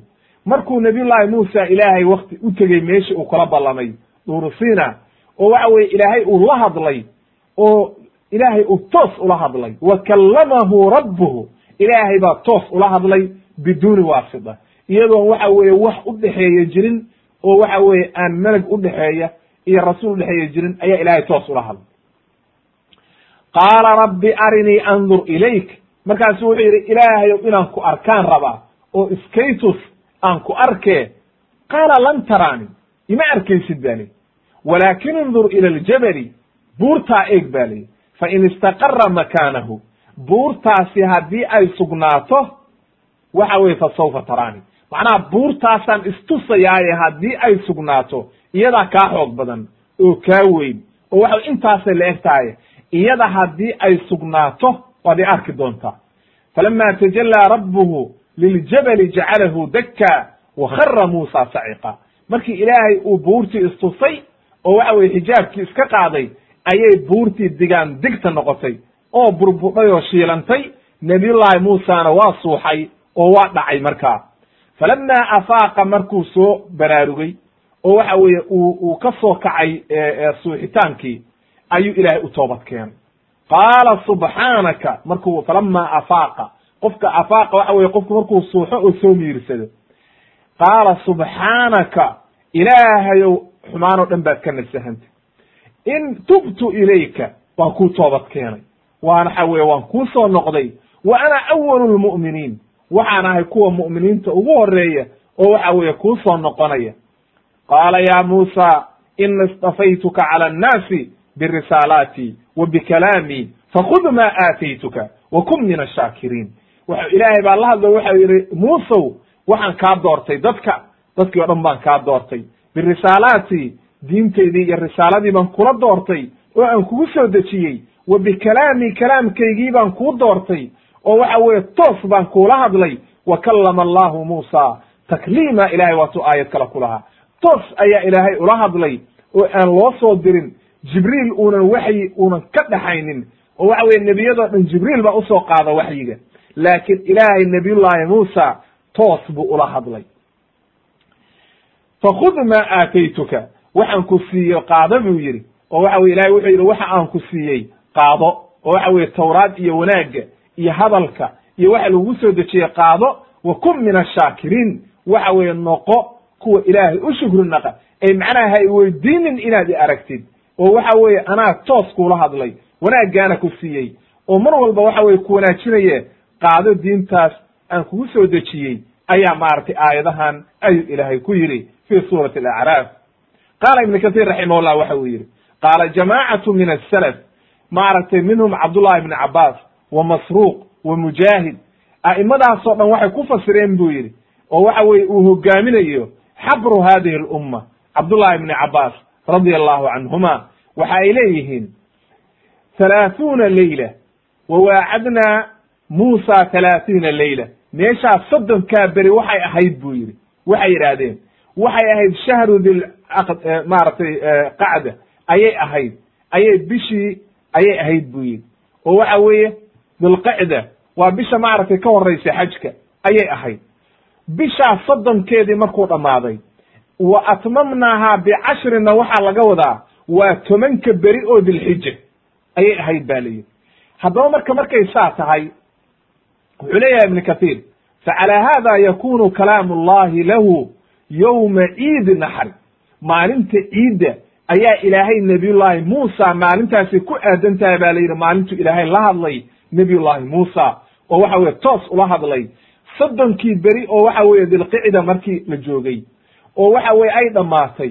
Tobankii berina loogu daray oo ay dilxija tahay oo waxa weye markaa ay tahay bil iyo toban beri. Ay maalinta marka la ciido weeye. Waa yowmu naxri waa maalinta ciidda oo aad iyo aad waxa weeye maaragtay u wanaagsan oo ciidulxaji maalintaas ayay ku aadan tahay ba la yidhi maalintuu la hadlay ilaahay una dhammaystiray diintana lagu soo dejiyey. Wa fii mitlihi akmala allahu caza wajala limuxamedin sala allahu alayhi wasalam diinahu wa nicmatahu ilaahayna subxaana qaadirkaa sidaasoo kale ayuu nebi maxamedna calayhi salaatu wasalaam ugu dhammaystiray maalintii waxa weeye ciidda waatuu maaragtay xadi ilaahay ku soo dejiyey alyawma akmaltu lakum diinakum wa atmamtu calaykum nicmatii wa raditu lakum alislaama diina waatuu ilahay ku soo dejiyey. Maalintii yom maaragtay ciidda oo waxa weeye maaragtay xajkii yowmu carafa ayay soo degtay oo waxa weeye iyo maalintii yowmu naxri ayuu maaragtay ayay ahayd bay leeyihiin culummadu sida uu werinaya imaamu albukhaari iyo muslim can daariq ibn maaragtay uu ka werinayaan oo wuxuu leeyahay iyagoo ka werinaya maaragtay bukhaari iyo muslim iyo can daariq ibn hishaab hishaab ayaa wuxuu leeyahay qaalat banu qaalat alyahuudu licumar. Waktigii cumar ibn khadaab uu amiirka ahaa ayaa yahuudi u yimaadeen. Waxay yidhaahdeen low calayna macshara yahuud nazalat hadihi alaaya. Hadday aayaddaa nagu soo degi lahayd alyawma akmaltu lakum diinakum. Maanta ayaan diintiina idiin dhammaystiray wa atmamtu calaykum nicmatii nicmadiina aan idiin dhammaystiray oo waxa weye aan idiin taam yeelay wa raditu lakum alislaama diinan diin baana idinka raali noqday. Aayaddaa hadday nagu soo degi lahayd annaga yahuudda ah waxaanu ka dhigan lahayn yowm ciid maalin ciida oo la ciido oo loo faysteeyaan ka dhigan lahayn. Cumar ibn khadaab baa wuxuu yidhi radi allahu canhu wuxuu yidhi cumar ibn khadaab intuu hadlay wuxuu yidhi faqad calimtu buu yidhi alyawm aladi nazalat unzilat fiihi. Waxaan ogahay buu yidhi maalintii la soo dejiyey iyo saacadday soo degtay. Wa ayna rasuulu llahi sala allahu alay wasalam xiina nazalat iyo meeshii uu nebigu joogay markay ku soo degtay. Intaba waan ogahay buu yidhi. Waxay soo degtay buu yidhi habeenkii leylatu jamci wa naxnu maca rasuuli illahi sala allahu alay wasalam bicarafaat annagoo carafo taagan ayay soo degtay buu yidhi oo aan rasuulka la joogno imaamu muslim iyo sida ay ku warinayaan marata imam albukhaari ayaa marata xadiiskaasaa ku caddaynaya marka wuxuu leya ibnu kathiir raximahullah maqsuudku waxa weeye ilaahayga subxaana qaadirka ahaa nebi maxamed iyo nebi nebi muuseba ilahay wuxuu u dhamaystiray maalinta ciidda ayaa ilaahay diintoodii mid walba u dhamaystiray oo waxa weeye la yidhi diintiini laydii dhamaystiriyo wata waxa weeye ilaahay ka baqa oo qaata diintiini wuxuu yidhi marka waxau leeyahay bu yidhi ibnu kathiir nebiyullahi muusa calayhi salaam soddonkii beri oo loo loo qabtay ba la yidhi. Wuu soomanaa ba layidhi soddonkii beri buu soomay ba layidhi oo lala ballamay oo ilaahay uu la ballamay o la yidhi soddon beri kabacdi halkaa imow. Ayuu soomay ba layidhi soddonkii beri. Soddonkii beri markay u dhamaatay ayuu intuu qaatay caday iyo wax afka marmarsaday ba la yidhi. Oo waxa weeye uu dhaqaaqay l inuu rabay inuu maaragtay intuu isdiyaariyey oo uu iscarsiyey oo qubaystay oo cadayday ayuu wuxu u diyaar garoobay inuu ilaahay marka la kulmo. Markaasaa haddana toban loogu daray ba layihi afartan beri bay noqotay. Leanna waxa weeye qofka sooman ba la yidhi. Wuxuu marka u daliishanaya ibnu kathiir uu leeyahay maanaa waa tu ilaahay lahaa lakhuluufu uu nebigu lahaa calayhi salaatu wasalaam lakhuluufu fadmi saa'ib adyabu cinda allahi min riixi lmiski maaragtay qofka sooman carafta ka soo uraysa oo maaragtay afkiisa ka soo baxaysa neefta ilahay agtiisa aad bay u udgoontaa marka saasuu leeyahay wuxuu leeyahay nabiyullahi muusa calayhi salaam son ayuu maaragtay sameeyey oo waxa weeye arrintaas uu ku qaabilay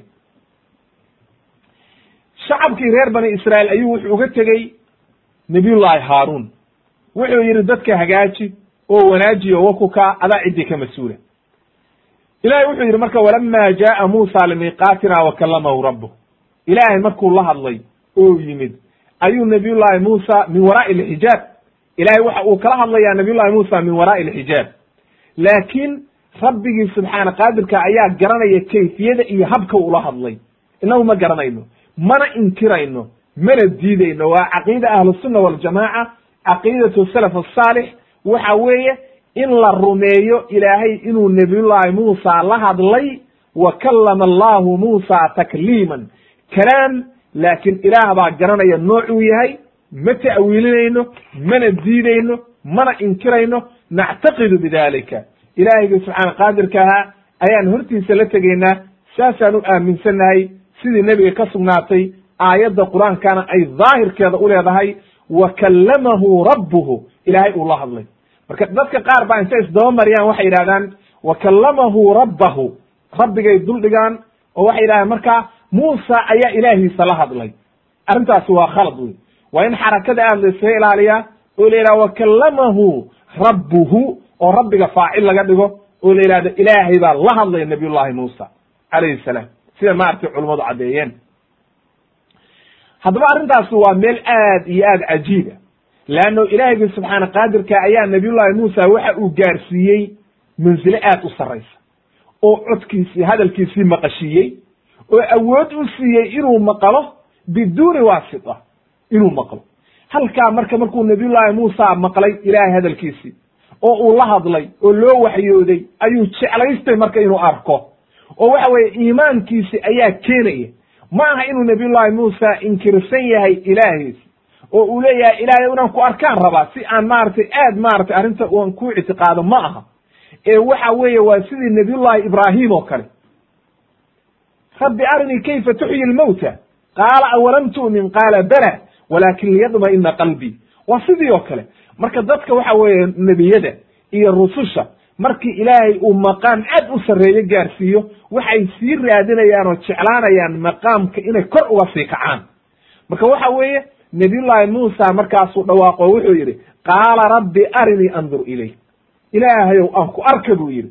Aad buu u jeclaystay inuu arko. Markaasaa la yidhi qaala lan taraanii ayuu yidhi ilaahay. Leannahu laa tudrikuhu alabsaar. Ilahayga subxaana qaadirka adduunyada suurtagal maaha in lagu arko.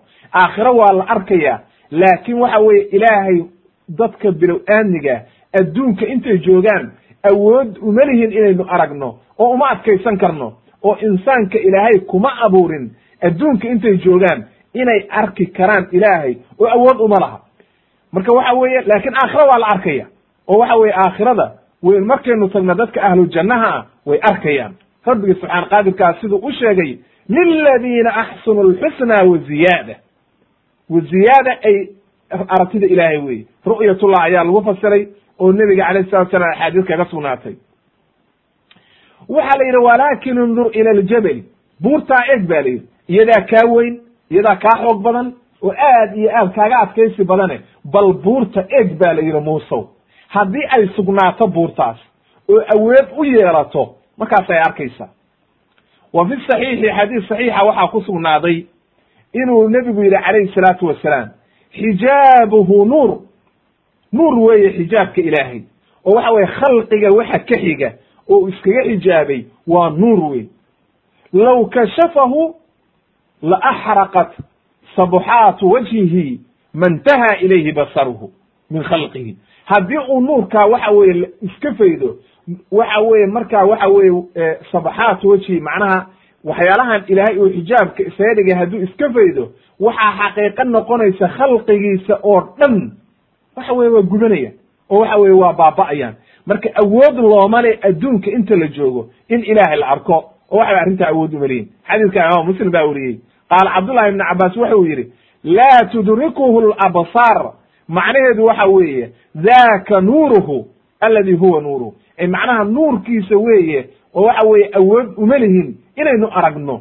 Oo qof u awoodi kara oo waxa weye u adkaysan kara ma jiro.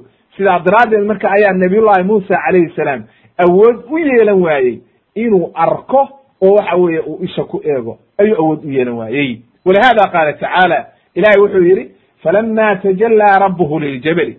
Markuu ilaahay buurtii isku fayday oo waxa weeye uu xijaabkii iska qaaday ayuu jacalahu dakka waa baabi'iyey. Wa eber bay noqotay. Wa khara muusa saciqa muusana waa dhacay markaa. Fa nadara ila ljabal. Marka bal u buurtii oo waxa weye iscelin kari weyday ayuu arkay. Oo digaan digta noqotay. Markaasuu isagiina naxay oo waxa weye uu suuxay markaa. Fa khara saciqa falamaa afaaqa markii uu soo miirsaday ayuu markaa ilaahay u toobad keenay. Qaala subxaanaka waxaan xumaan oo dhan baad ka nasahantaa. Tubtu ilayka waan kuu toobad keenay. E maxaad ka toobad keentay muusow?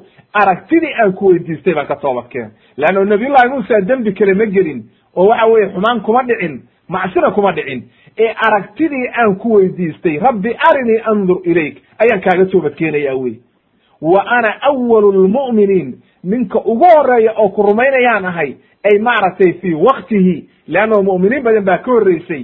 Marka daa'iman aayaddan nebi kasta xilligiisa wa ana awalu lmu'miniin nebi maxamedna waa yidhi. Macnaheedu waxa weeye ay macnaha hadda waktigaan la joogo qofka ugu horreeya u degdegayaan ahay weye laakin waxa weye ilaa nabiyullahi aadam mu'miniintu waa soo jireen.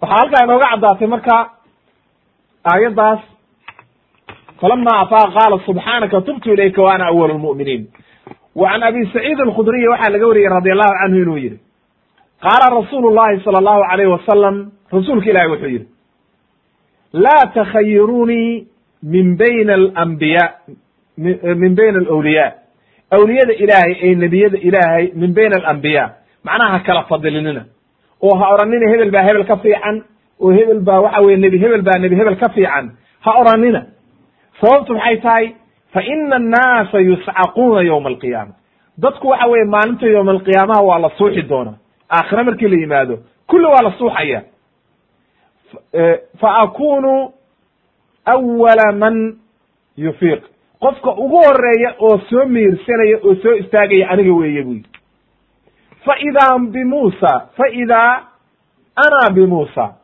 aakhidun biqaa'imatin min qawaa'imi alcarsh waxaanba isla markaba arkayaa buu yidhi nebiyullaahi muusa oo haysta maaragtay qaa'imadu dee waxaa tiirka ka mid a tiirarka cashriga ee carshiga ilaahay. Falaa adri ma garanayo yidhi nebigu afaaqa qablii? Ma hortayda ayuu soo baraarugay oo waa iga horreeyey? Mise waxa weeye isagu maba suuxinoo waxaa looga mid dhigo loo xisaabiyey?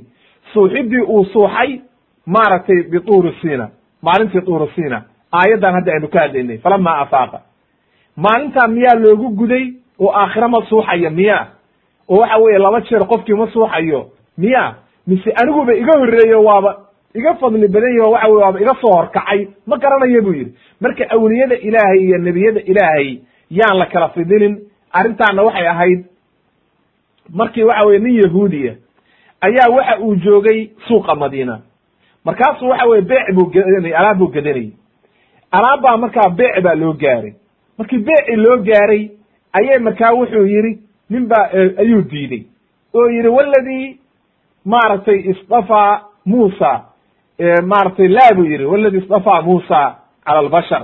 Ilaahaygii baan ku dhaartaye macnaha beeca ma siisanayo. Ilaahaygii maaragtay nabiyullahi muusa ka doortay basharka oo dhan baan ku dhaartay nin ansaara intuu istaago xanaaqay dharbaaxo wuxuu yidhi nebi maxamed baa jooga markaasaa waxaad leedahay nebiyadoo maaragtay nebi muuse ilaahay ka doortay dadkao dhan nebigaa la iskula tegey markaasuu nebigu wuxuu yidhi laa tufadiluni calaa maaragtay cala alambiya nebiyada ilaahay hayga fadilina nebiyadana ha kala fadilina oo waxa weeye arrintaanu markaa sheegay xadiiskana bukhaari iyo muslim baa weriyey laakin laa shaka ana hada min tawaaducihi.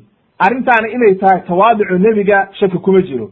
Oo nebigu waa tawaaducayey waymaa wuu yahay laakiin waa ninka ugu sharaf badan uguna fiican waxa weye uguna horreeya khalqiga oo dhan wey leanno nebiga axaadiid badan buu ku caddeeyey anaa sayidu waladi aadam yowma alqiyaama walaa fakr sayidku waa ninka dhan oo hogaaminaya oo dadka ugu sharaf badan. Marka nebiyada ilaahay nebi maxamed baa ugu fadli badan uguna wanaagsan oo waxa weye ilaahay uu doortay oo waxa weeye khayru khalqillaahi ah. Laakin tawaaduc weeye lama rabo marka in nebiyada ilaahay la tartansiiyo oo waxa weye maaragtay la yidhahdo hebel baa hebel ka fiican kulligood ilaahay baa doortay. Rabbigii subxaana qaadirka ayaa doortay wey oo ilaahiyga subxaana qaadirka uu u doortay kulligood marka nebiyullahi muusana wuxuu ka mid yahay ululcazmi marka nebiyadoo dhan waa in la sharfo oo waxa weye sharaf bay ilahay agta kuleeyihin marka macalshaahidkeenu halkan waxa weeye nabiyullahi muusa aakhira ma suuxayo miya? Mar labaad? Mise waxa weeye wuu suuxayaa nebiga ka hor buu soo kacay. Walcilmu cind allah ilah baa garanaya sidaa nebigu uu u sheegay uma qaala tacala ilahi waxa uu yidhi qaala ya muusa ini istafaytuka cala annaasi birisaalaati wa bikalaami fakhud ma aataytuka macnaha waxaan kuu doortay waan ku doortay risaaladaydii iyo waxa weeye kalaamkaygii ay macnaha fi dalika azamaan waktigaa uu joogay laa ma qablahu walaa ma bacdahu macnaha xilligaa uu joogay nabiyullahi muusa calayh salaam ayaa ilaahay u doortay wa ilaa nebi kasta xilliga uu joogay ayaa ilaahay u doortaa leanno nabiyullahi ibraahim baa ka horreeyey oo ka fadli badan nabiyullahi muusa iyo nebiyadoo dhan ba ilaa nebi maxamed mooye sida inoo soo hormartay sida qisatu nabiyullahi ibrahim markaan ka sheekeynaynay bacdigiisana waxaa ka dambeeyey nebi maxamed oo ka fadli badan marka macnaha aayaddaani waxa weeye ini istafaytuka cala annaasi birisaalaati ay zamaanka iyo xilliga aad joogtid wey ee ma aha xilligii ka horreeyey iyo xilligii ka dambeeyey toonna ma aha ee xilligaa uu joogay ayaa ilaahay doortay oo uu ahaa ninka ugu fadli badan oo ugu wanaagsan reer bani israa'iil. Waaya sidaa daraaddeed marka ayaa ilaahay ku caddaynaya. Marka lamana nebi maxamed alayh isalaatu wasalaamna waa ka dambeeyey nebi ibraahimna waa ka horreeyey. Labaduna waa ka horeeyaan nabiyullahi muusa oo waxa weeye way ka fadli badan yihiin sida axaadiis badan ay caddaysay. Leanno nebigaa yidhi saaquumu maqaaman yargabu ila alkhalq maaragtay ilaya alkhalqu xata ibraahim aakhire markii la yimaado waa maqaamu lmaxmuud meesha waxa weeye la mahadin doono oo nebiyadoo dhan ay ka leexan doonaan oo waxa weeye shafaacada shafaacat alcudma ayaa nebigu istaagi doona ilaahay carshigiisa imaan doona sujuudi doona markaasaa maqaamkaa nebiyadoo dhan jeclaanayaan xataa ibraahim. Marka halka ayaa laga gartay nabiyullahi ibraahim inuu ku soo xiga nebi maxamed weye oo laga garanaya. Ilahay markaasu wuxuu yidhi fakhud maa aataytuka wa kun min ashaakiriin qaado baa la yidhi waxaan kuu soo dejiyey wanaaggaa ilahayna ku shukrina. Ay macnaha fakhud maa acdaytuka wanaaggaan aan ku siiye qaado oo waxa weeye ha weydiinin ziyaade iyo inaad i aragtid wa kun min ashaakiriin cala dalika ilahayna u shukrina. Ilahay waxa uu yidhi wa katabna lahu fi lalwaaxi min kuli shayin mawcidatan wa tafsiila likuli shay wuxuu yidhi ilaahay waxaanu u qornay alwaaxdii waa tawraat wey wax walba ayaanu ugu qornay mawcida waano iyo tafsiil axkaamtii wax walba oo loo kala saara wa fi saxiixayni imam albukhaari iyo muslim waxay weriyeen ana allaha kataba lahu atawraata biyadayhi ilaahay waxa ugu qoray gacantiisa ayuu ugu qoray tawraat oo waxa weeye waxyi iyo maahayne. Kun xataa lama odhan laakiin gacantiisa ayaa ilaahay ugu qoray tawraad oo dhan baa la siiyey markaa wa fiiha mawcid mawaacid min maaragtay min alaatham xumaanta mawaacid kaa nahyinaysa ayaa ku qorayd iyo wax walbo axkaamaa loo kala saarayey xuduuddii xalaal iyo xaaraam kulli ayaa loo kala caddeeyey. Hal mar baa lagu soo dejiyey markaasaa la yidhi fakhudha biquwa ay bicaziima niyad wanaagsan iyo go'aan inta ku qaadatid qaado baa la yidhi waamur qowmaka ya'khuduu biaxsaniha sa uriikum daara alfaasiqiin waxaadna amartaa baa la yidhi qoomkaaga inay u qaataan sida ugu wanaagsan iyo wanaag ugu wanaag badan inay u qaataan diintan oo tawraad ugu dhaqmaan amar baa la yidhi sa uriikum daara alfaasiqiin qofka faasiqa oo xadgudba oo waxa weeye waad arki doontaan waxa ku dhaca kan faasiqa oo waxa weeye dhaalimkaa qaade ayaa la yidhi arrintan. Ay macnaha ha qaateen diintan sida ugu fiican ha ku dhaqmeen oo ha raaceen oo yaynan dhinac uga leexanin oo ha raaceen diintan u soo dejiyey oo ilaahay ha ka cabsadeen ayaa maaragtay loogu caddaynaya halkan ay daacadii iyo wanaagayga ha qaateen. Uma qaala tacaala saasrifu can aayaatiy aladiina yatakabbaruuna fi lardi bigayri alxaqi waxaan ka leexinayaa buu yidhi oo ayna rumaynaynin oo ayna fahmaynin oo aan raacaynin kuwa dhaalimiinta oo waxa weeye diinta ilaahay dhulka ku kibraya bigayri alxaqi kuwaasi ma rumaynayaan. Leanno kuwa ilaahay wuxuu ugu talagalay naar. Wa in yarow kula aayatin laa yu'minuu biha. Aayad kasta hadday arkaan ma rumaynayaan. Walow shaahaduuha. Si kasta hadday u arkaan khawaariqda ilaahay iyo waxa weye mucjisooyinka hadday arkaan ma rumaynayaan sidii fircoon iyo ku dhacday ayay waxa weye ilaahay wuxuu yidhi waan ka leexinayaa iyaga. Laa yanqaaduuna laha. Uma hogaansamayaan wa in yarow sabiila rushdi laa yatakhiduuhu sabiila. Waddo wanaagsan hadday arkaan iyo dariiqii wanaagsanaa ma raacayaan. Oo waxa weye dariiqii xaqaa way ka leexanayaan. Sabiilkii xumaa iyo waddadii xumaa markay arkaanna way raacayaan. Wa in yarow sabiila alghayi yatakhiduuhu sabiila. Bal u fiirso? Xumaantii unbay ku ordayaan wanaaggiina way ka leexanayaan oo ma rabaan sababtaa maxaa keenay? Dalika biannahum kadabuu biaayaatina. Waxay beeniyeen aayaadkii ilaahay. Wa kaanuu canha ghaafiliin. Wayna mo ismoogeysiiyeen oo waxa weye diinta ilaahay ayay dhinac ka mareen. Haddaba ilaahay baa marka wuxuu ugu abaalguday oo ku ciqaabay in laga leexiyo xaqii marka. Markay iyagu xaqii diideen oo diinta ilaahay diideen fircoon iyo wixii raacay waddadoodii iyo reer bani israa'iil iyo wixii raacay waxa weeye nebigii ilaahay beeniyey oo waxa weeye diintii ilaahay ka leexday ayaa ilaahay saas ku abaalmariyey ilaahay waxau yidhi haddana waaladiina kadabuu biaayaatina wa liqaa'i alaakhira xabidat acmaaluhum. Hal yujzawna ilaa ma kaanuu yacmaluun? Haddana markaasaa waxaa loogu sii daroo la yidhi kuwa ilaahay aayaadkiisa beeniyey oo diintii ilaahay beeninaya iyo aakhiro ilaahay acmaashoodii oo dhan waa baabi'iyo eber buu ka dhigay oo halaag baa u sugnaaday ayaa la yidhi oo waxa weye ilaahay uu ku caddeeyey. Halkaa marka waxaa inooga sugnaatay oo inoo caddaatay inay waxa weeye reer bani israa'iil ay khalad aad iyo aad u weyn galeen oo waxa weeye ay maaragtay arrintaas ay nebi nebigii ilaahay ay maaragtay arrintaas ay maaragtay ay aad iyo aad ugu khaldameen. Rabbigii subxaana qaadirkaana nebiyullaahi muusa uu u qoray tawraad gacantiisa ugu qoray uu markaa u waxyooday oo la yidhi qaado oo waxa weeye ha weydiinin wax kale qaado waxa weeye diinta ilaahay oo waxa weeye qoomkaaga iyo dadkaaga amar oo waxa weeye ku dhaqan oo ilaahay ka cabso oo waxa weeye ku dadaal dariiqa xaqa inaad martid ayaa la yidhi marka oo aad iyo aad maaragtay loogu booriyo ilaahay ku booriyey waxaynu u soo gudbaynaa marka qodobka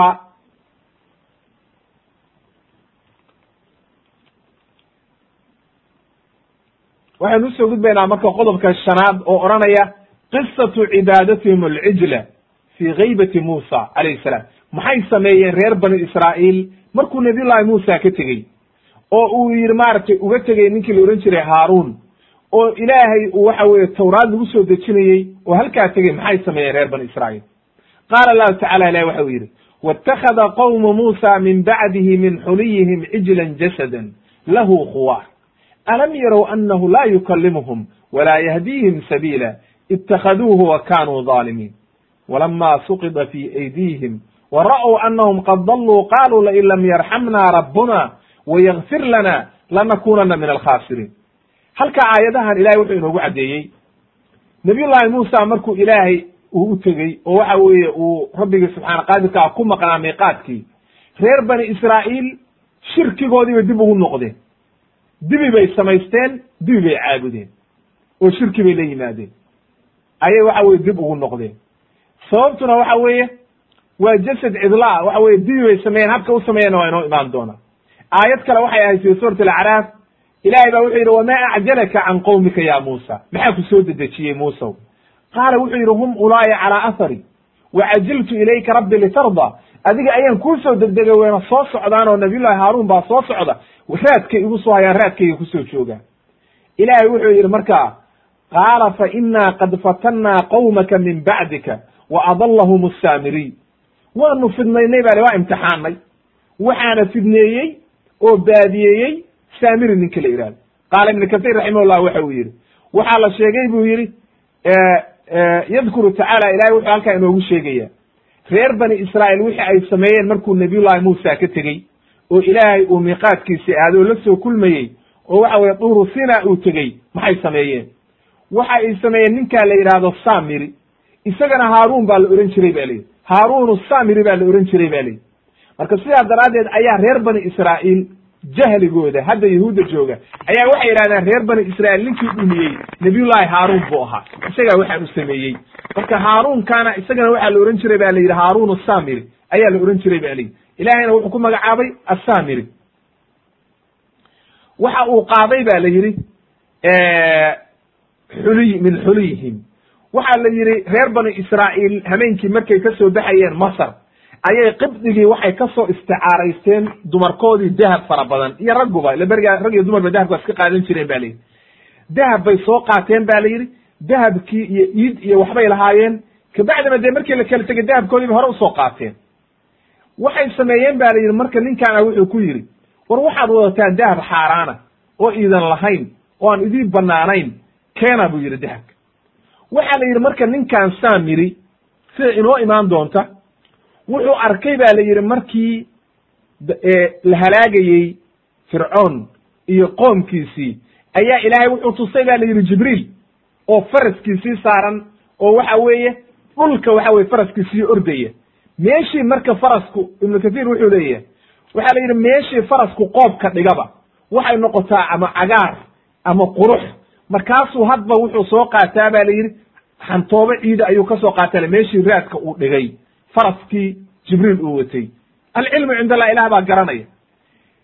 Marka wuxuu yidhi arrintaasuu soo qaatay. Markuu reer bani israa'iil uu halkaas uu nabiyullahi muusa ka maqnaa ayuu waxa uu yidhi intuu ka qaaday dahabkii oo meel isugu keenay ayuu wuxuu ciiddii ku daadiyey. Markaasa ilaahay wuxuu ka dhigay dibi istaagay oo qaylinaya. Lahu khuwaar. Khuwaarku waxa weye waa codka lo'da. Waa habka lo'da u cido waa cida lo'da ayaa la yihahdaa khuwaar. Marka waxa weeye arrintaas ayuu sameeyey bali markuu saa sameeyey qaar culimmada waxay leeyihiin dibi caadiya oo ciyaya buu noqday. Leanno ilaahay baa leh wاtakhada qowmu muusa min bacdihi min xuliyihim cijlan jasadan lahu khuwaar jasadan ay macnaha jir leh oo waxa weeye lafale oo caadiya oo waxa weeye dibiya ayuu noqday qaarna marka culimmada waxay leeyihiin sida kataata iyo waxay leeyihiin maya wuxuu ahaa sidii dibi oo kale u sameeyeen afkuna waa daloolay dabaduna waa dalooshay dabaysha inta ka soo gasha maaragtay dabada meesha daloosha ayay afka ka baxaysay marka hawadii ka baxaysay ayay markaa neeftii ayay cod ka dhiganayeen oo inta hareeraha ka fadhiisteen ayay markaa caabudayeen oo ku qoslayeen. Oo waxa weeye maaragtay ay saa samaynayeen ayay leeyihiin qaarkoodna. Laakiin cijlan jasadan daahirku waxa weeye in ilaahay uu ka dhigay dibi caadiya fa qaaluu hada ilaahukum wa ilaahu muusa fanasiy waaba kan bay dheheen ilaahiinii ee nabiyullahi muusa waa ilaawi waaba kan bay dheheen ilaahiinii bal u fiirso halkaa dadkii fircoon laga soo badbaadiyey oo ninkii dhammaa lahaa anaa rabbukum laclaa soo cadaabayay hortooda lagu halaagay dibi cidlo ah ayay maaragtay caabudayaan. Sidaa daraaddeed baa ilaahay u yidhi wa ushribuu fii quluubihim alcijla baalki ayay jeclaadeen oo qalbigooda ka buuxsamay wa qaala tacaala ilahi waxa uu yidhi isagoo waxa weeye caddaynaya inay waxaani baatil tahay. Afalaa yarawna miyayna arkaynin? Afalaa yarawna anlaa yarjicu ilayhim qawlan walaa yamliku lahum daran walaa nafca war miyaynan u jeedin waxaan ay caabudayaan inuuna la hadlaynin inuuna dhibaato waxa weye ka dulqaadi karin inuuna wax anfici karin qawlna uuna ku soo celinaynin. Wuxuu xaggeeda caqligoodii jiraa see bay yihiin. Miyaynan u jeedin? Bal fiirsa marka waa arrin aad iyo aad u cajiibo wey oo lagu inkaray aayad kale wuxuu ku yidhi alam yarow annahu laa yukalimuhum walaa yahdihim sabiila itakaduuhu wa kanuu dhaalimiin miyaynan u jeedin inuu waxa weye wax uu u qaban karo lama hadlayo waddo kuma hanuunin karo laakin waxay iskaga samaysteen iyagoo dhaalimiina fadakara hada macnaha arrintaas ayuu sheegay macnaha lianfusihim macnaha inaynan naftiisa wax u qaban karin iyagana una la kulmi kar una hadal u soo celinaynin wuxuu tarayana ayna jirin laakiin iyagoo jaahiliina ayay iska dul fadhiyaan markay arrintaa arkeen marka oo ogaadeen inay dhumeen walama suqita fi aydiihim wa ra'w anahum qad dalluu. Markay aad ogaadeen inay dhumeen oo baadiyoobeen ayay ilaahay u soo noqdeen. Oo toobadkeena waxay yidhahdeen qaaluu lain lam yarxamna rabbuna wayakfir lana lanakunana min alkhaasiriin ay wey nadaame ayay la yimaadeen waa qoomamoodeen haddii aynan waxa weeye ilaahay noo dembi dhaafin waan dhunnay weye khasaaraa nagu dhacday oo inkaar baa nagu dhacday oo dhibaata ayaa maaragtay na qabsatay qaala tacala ilahi waxa uu yidhi walama rajaca muusa ilaa qowmihi khadbaana asifa markuu nabiy llahi muusa qoomkiisii ku soo noqday leanno ilaahay baa u sheegay oo yidhi innaa fatannaa qowmaka min bacdika wa adallahum asaamiriy waanu dhuminay qoomkaagii waa la fidneeyey waxaana dhumiyey waa la imtixaamay ilahay waa imtixaanay alfitna waa imtixaan wey waa ikhtibaar baa laga qaaday waxaana dhumiyey samiri oo orod gaar bali nabiyullaahi muusa oo caraysan ayaa soo noqday qaala bi'sa maa khalaftumuunii min bacdi waxa weye waxa xun buu yidhi oo xumaaday waxa aad gadaalkayga samayseen. Acajiltum amra rabbikum? Ma waxaad degdegsateen arrintii ilaahay? War wax yar miyaad isugi kari weydeen. Markaasay waxa weeye waagii ku beryey marka. Wa alqa alalwaax nabiyullahi muusa nin aad u kulul buu ahaa. Oo waxa weeye xaruuriya ba la yidhi. Wuxuu tuuray marka kutubkii u watay oo waxa weye tawraad weye alwaaxdan waa ilaahay wuxuu ugu qoray tawraad looxyadii loogu qoray wuu tuuray. Markuu tuuray wa akhada bira'si akhigihi yajuruhu ilayh walaalkii haaruun buu garka intuu qabtay intuu qabtay timaha iyo garka buu maaragtay soo dhiftay oo soo jiiday. Oo markaasuu nabiyullaahi haaruun hadlo wuxuu yidhi qaala bna umma ina alqowma istadcafuunii walaalkaygii hooyaday dhashayow qoomkan aniga waa daciifsadeen dhibaatay igu sameeyeen wakaaduu yaqtuluunanii waxay gaareen oo ku sigteen inay idilaan falaa tushmit biya alacdaa ha iigu tegin oo adiguna ha igu darmanin walaa tajcalnii maca alqowmi dhaalimiin hana iga mid dhigin qoomkan dhaalimiinta anigu ka mid ma yihi beri baana ka ahay waana iga xoog bateen waxna waa iga maqli waayeen marka wuxuu leyahy ibnu kasiir raximahullah markuu nabiyullahi muusa soo noqday oo uu arkay dhibaatada meeshii taalla iyo waxa dhacay ayuu iscelin kari waayey oo waxa weeye qubxiga ay sameeyeen iyo shirkiga ay ku dhaceen markuu arkay ayuu iscelin kari waayey oo walaalkii horta intuu kutubkii tuuray ayuu walaalkii horta canaan u saaray. Oo yidhi war aawey wixii aan kaaga tegey mas'uuliyaddii aan ku saaray reerkii dhammaayo aan kaaga tegey aawey hadda waa caadina qofku hadduu qof uga taga reerka oo mas'uuliyad looga tago wax xumaadaan. Qofkiibuu canaananaya uu wax uga tegey ayuu maaragtay la dagaalamaya u leeyahy maxaad khaladkaan u samaysay? Maxaad wanaag u samayn weyd marka sidaa daraaddeed buu ilaahay maaragtay leeyahay aayad kale farajaca muusa ilaa qowmihi qadbaana aasifa qaala ya qowmi alam yacidkum rabbukum wacdan xasana? Afa taala calaykum alcahd? Am aradtum an yaxila calaykum gadabun min rabbikum faakhlaftum mawcidii wuxuu ilaahay aayaddaana ku caddeeyey muusa inuu canaantay qoomkiisii. Oo ku yidhi war ma waxaad daahsateen miyuunan ilaahay wanaag idiin ballan qaadin oo wax wanaagsan idiin ballan qaadin. Ma waxaad daahsateen wacdigii ilaahay iyo ballanti ilaahay. Mise waxaad doonteen inaad ikhilaaftaan oo xuma maaragtay ilaahay idii caroodo oo waxa weeye dhibaata idinku dhacdo oo ballantaydiibaa ka baxdeen. Factadaruu way cududaarteen marka nabiyullaahi haaruun markuu cududaartay oo waxa weeye ayuu qoomkii u jeensaday oo canaan iyagiina u saaray oo odayaashoodii canaantay. Markaas iyagiina cududaarteen oo maxay ku cududaaranayaan waxaan saxiix ahayn leanno nabiyullaahi haaruun isagu wuxuu haystaa cududaar saxiixa qoomkan dhan aniga waa idulaysteen bi waa iga adkaadeen warkaygii waa diideen oo waxa weye waa iga diideen waatuu ilahay aayad kale ku lahaa walaqad qaala lahum haaruunu min qablu ya qowmi inama futintum bi waina rabbakum araxmanu faatabicuunii waadiicuu amri qaaluu lan nabraxa calayhi caakifiina min qabl waana inoo imaanaysaa insha allahu tabaraka watacaala markaasay cududaarteen oo waxaan saxiixayn ku cududaarteen oo maxay yidhahdeen qaaluu ma akhlafna mawcidaka bimalkina walaakina xumilna awsaaran min ziinati lqowmi faqadafnaaha fakadalika alqa saamiri waxay yidhahdeen annagu dhibaato kale maanu samayne waxaanu samaynay xuliyadii iyo wanaag iyo iyo dahabkii ayaanu meeshaan ku daadinay. Ninkan la yidhaahdo saamirina waxbuu ku daadiyey. Arrintaan isagaa sameeyey dhibaatadaana saasay ku dhacday. Marka waxa weeye caqli xumadooda bal halkan waxay ku cududaaranayaan u fiirso. Waxay leeyihiin waxaa dhib nagu noqotay dahabkii xaaraantaha oo aan wadanay ayaan rabnay inaanu iska daadinno oo ilaahayna inaad shirki u samaysaan dhibsan maysaan dahab iyo waxa weeye xuliyaad iyo waxa weeye aad soo qaadateenna oo gaalo ka soo qaadateen oo xalaalba idii ahaa. Leanno qoomkaa waa la halaagay. Idinkaana dhulkiilayda dhexal siiyey. Waa dhibsanaysaan. Kabacdi marka ayaa nabiyullahi muusa calayhi salaam wuxuu soo qaabilay ha ninkii la ohan jiray marka haaruun.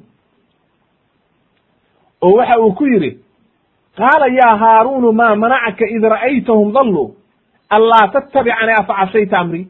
Maxaa kugu dhacay buu yidhi ood aniga arrintayda markaad aragtay inay dadkaa dhowsan yihiin.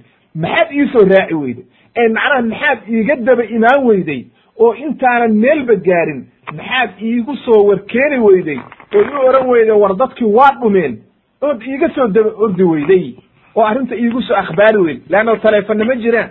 Marka maxaad iiga daba imaan weyday inta aan jidka sii socday maad arrinta isoo ogeysiisid faajaaba lahum faajaaba lahu haaruun baa wuxuu ku jawaabay wuxuu yidhi qaala yabna umma wiilkii hooyaday dhashayow oo walaalkayo iga yaraayow laa ta'khud bilixyati war garka hay qabanin nin weyn baan ahay garka hay jiidin walaa bira'si madaxana hay jiidin. Innii khashiitu waxaan ka cabsaday an taquula inaad tiraahid faraqta bayna bani israa'iil. Reer bani israa'iil baad kala kaxaysay. Markaa anigu ka soo tago oo qaar isoo raacaan qaarna dibigii ku haraan inaad hadhow tiraahid reer bani israa'iil baad kala kaxaysay. Maxaa tafaruqa kuugu wacan inay tiraahid walam tarqub qawlii arrintaydiina ma aadan ku dadaalin leanna waa tuu markii hore yidhi wa aslix lii marat wa aslix maaragtay hagaaji waa isagii yidhi oo waxa weeye dadka xun waddadooda ha raacin marka sidaa daraaddeed aniga wanaag baan samaynayey adaan kugu simeeyey dadkan waan isku sii celcelinayey waa kuwaana adiga wax u sheeg wala ilaahay baa marka u markhaanti kacay nabiyullaahi haaruun ilahay baa wuxuu yidhi walaqad qaala lahum haaruun ilaahay baa caddeeyey haaruun wuxuu ku yidhi qoomkiisii yaa qowmi horay buu ugu yidhi inamaa futintum bi war waa layda imtixaamay oo dhib baad gasheen oo ilaah baa idin ikhtibaaray wa ina rabbakum araxmaanu allihii idin abuurtay weeye oo idin soo badbaadiye rabbigiinu fattabicuunii wa adiicuu amrii war aniga isoo raaca oo iska daaya shirkigan oo i adeeca haddaba ilaahgii subxaana qaadirka ayaa beri yeelay nabiyullaahi haaruun oo waajibkiisii waa gutay waana ka soo baxay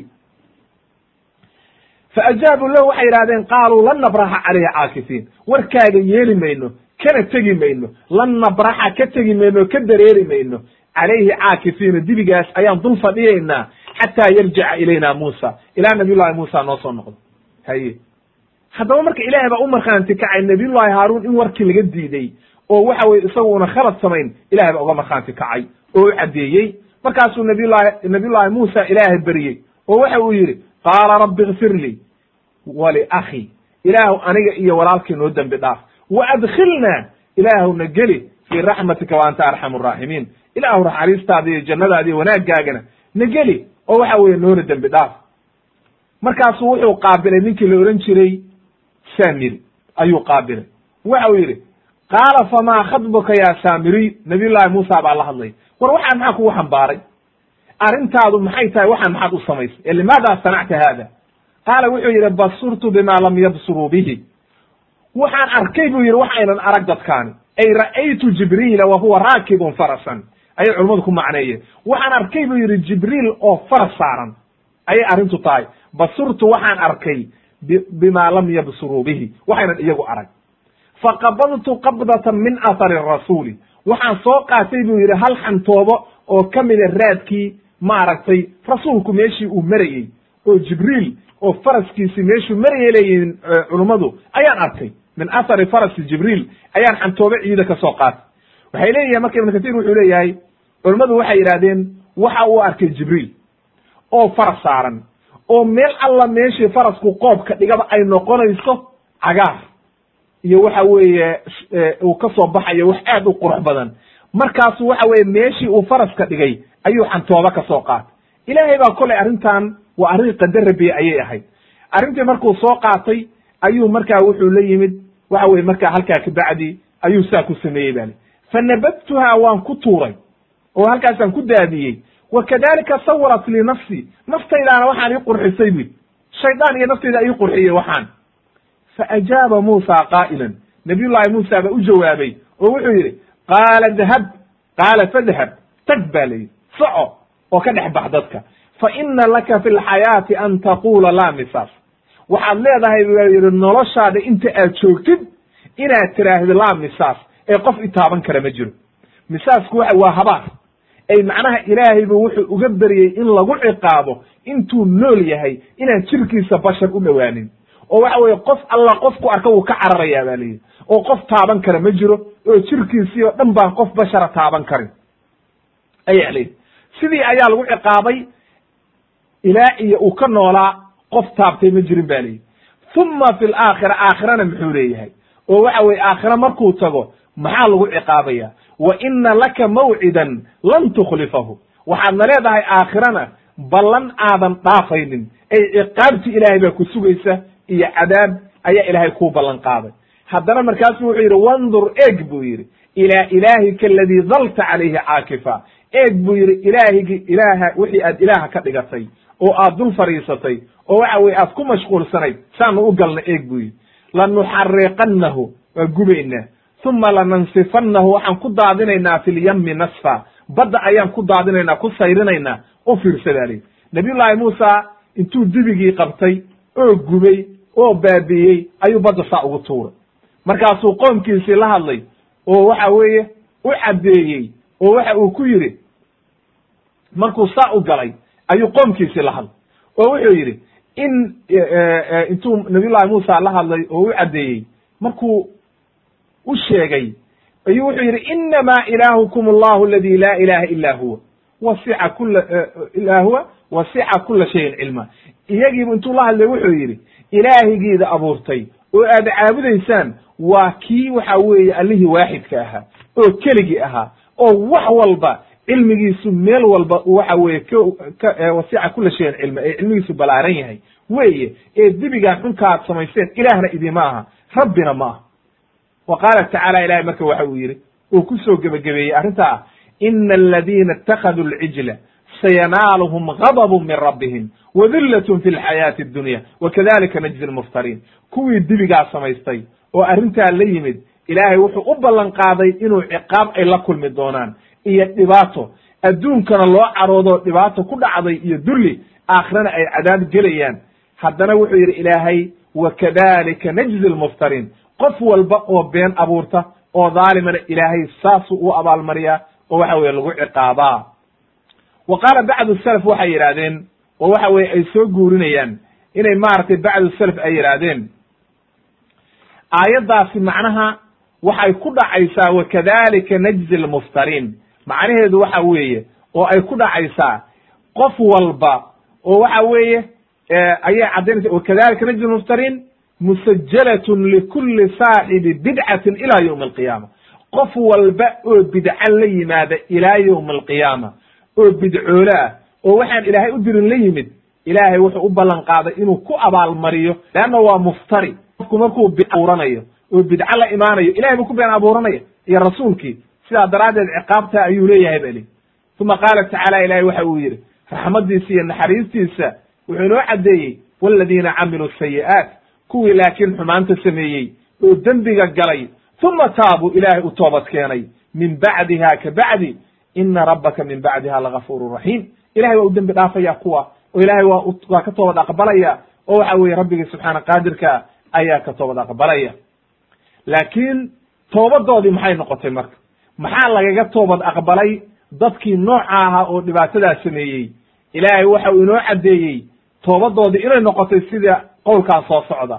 Ilahay waxa uu yidhi waid qaala muusa liqowmihi ya qowmi inakum dalamtum anfusakum biitikhaadikum alcijla fatuubuu ila baari'ikum nabiy llahi muusa wuxuu yidhi war qoomkayga ilaahay waa dulmiseen naftiinni waa dulmiseen oo dembi baad gasheen ilahay ma dulmin karaane naftoodii bay dulmiyeen ijligaan bahalkaan aad ka dhigateen ilaaha ayaad naftiinii ku dulmiseen ilaahayna dembi baad ka gasheen ilahay u toobad keena. Maxay toobadoodii marka noqotay? Faqtuluu anfusakum. Naftiina dila ayaa la yidhi. Dalikum khayrun lakum cinda baari'ikum. Ilaahay taasuu idinkaga toobad aqbalaya. Idiina wanaagsana naftiina dila ayaa la yidhi. Fataaba calaykum inahu huwa tawaabu raxiim naftiina hadaad dishaan ilahay waa idinka toobad aqbalaya. Qaala ibnu katiir wuxuu yidhi raximahullah waxaa la yidhi buu yidhi oo culummadu ay soo guurinayaan. Wa maalintii ayay markii waagii beryey oo waxa weeye ay dibigii waxa weye ka toobad keeneen. Ayaa waxaa la yidhi in alla intii aan dibiga caabudin ayaa seefo loo dhiibay oo waxa la yidhi nin walbow seeftaada galka ka saar. In alla intii dibiga caabudayna waxa waa la fariisiiyey. Oo waxa la yidhi fariista. Ilaahayna wuxuu ku soo rogay baa la yidhi dushooda mugdi aynan qofna qof garanaynin. Oo indhahoodii baa la daboolay. Marka markaasaa waxaa la yidhi nin walbow nin alle ninkaad soo gaadho qoorta kaga go walaalkaaba ha noqdo ama hooyo ama aabbaha ha noqdo ama ilmahaagii ha noqdo. Nin walba nink intii meeshii fadhiday ayaa seeftii lagu boobay ayaa la yidhi. Marka waxa la yidhi in alla intii dibigii caabuday qoortaa laga jaray. Oo waxa weeye toobadoodii waxay noqotay in la laayo hal maalin baa waxaa la dilay ba la yidhi sabciina alfan ayay culimmadu leeyihiin toddobaatan kun ayay qoorta ka gooyeen oo waxa weye hal subax ayaa halkaa lagu wada gowracay. ayay maaragtay soo guurinayaa ibna katir raximahullah. intaa marka markii lagaga toobad aqbalay leanno toobadoodii waxay noqotay inay islaayaan oo isdilaan. kabacdi markaa ilahay waxa uu yidhi walama sakata can muusa alghadabu akhada alalwaax markuu nabiy llahi muusa marka caradii ka baaba'day oo ilaahay loo soo noqday ayuu markaa waxa uu qaatay kitaabkii iyo tawraaddii ayuu dib ugu soo noqday oo waxa weye kitaabkii qaatay. Wa fii nuskatiha hudan waraxmatun liladiina hum lirabbihim yarhabuun. Waxa weeye waxaana ku jirtay waxa weeye oo tawraad macnaha wax lagu waansamo raxmad iyo hanuun ayaa ku sugnayd iyo waxa weeye qofkii ilaahay ka cabsanaya wax uu ku taamilo qaato iyo dariiq uu ku hanuuno qaala cabdullahi ibni cabaas waxa uu yidhi sida xadiidu futuun ay ku sugnaaday waa xadiis dheer weeye. Ayaa waxay ku sugnaatay inuu yidhi kaanat calaa athari khuruujihim min albaxri. Maaragtay markaan ay caabudayaan dibiga waxay ahayd markii ay ka soo baxeen badda oo ay u yimaadeen niman dibigii caabudaya sidii inoo soo martay oo ay yidhaahdeen ijcal lanaa ilaahan kamaa lahum aaliha arrintaas ayaa marka ta'diir ku keentay oo waxa weeye ku keentay inay maaragtay caabudaan arrintan markii dambena dibiga ay samaystaan.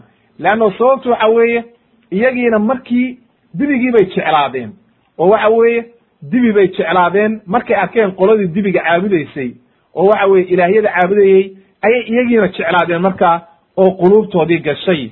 Intaa marka ayaan ku soo gebagabaynaynaa insha allahu tabaaraka wa tacaala dersigan subxaanaka allahuma bixamdika ashhadu an laa ilaha illa anta astaqfiruka wa ilayk. Walxamdu lilahi rabi alcaalamiin welina qayb ayaa sii dhiman oo waxa weye marxaladda weli waa sii socotaa wassalaamu calaykum waraxmat ullahi wabarakatu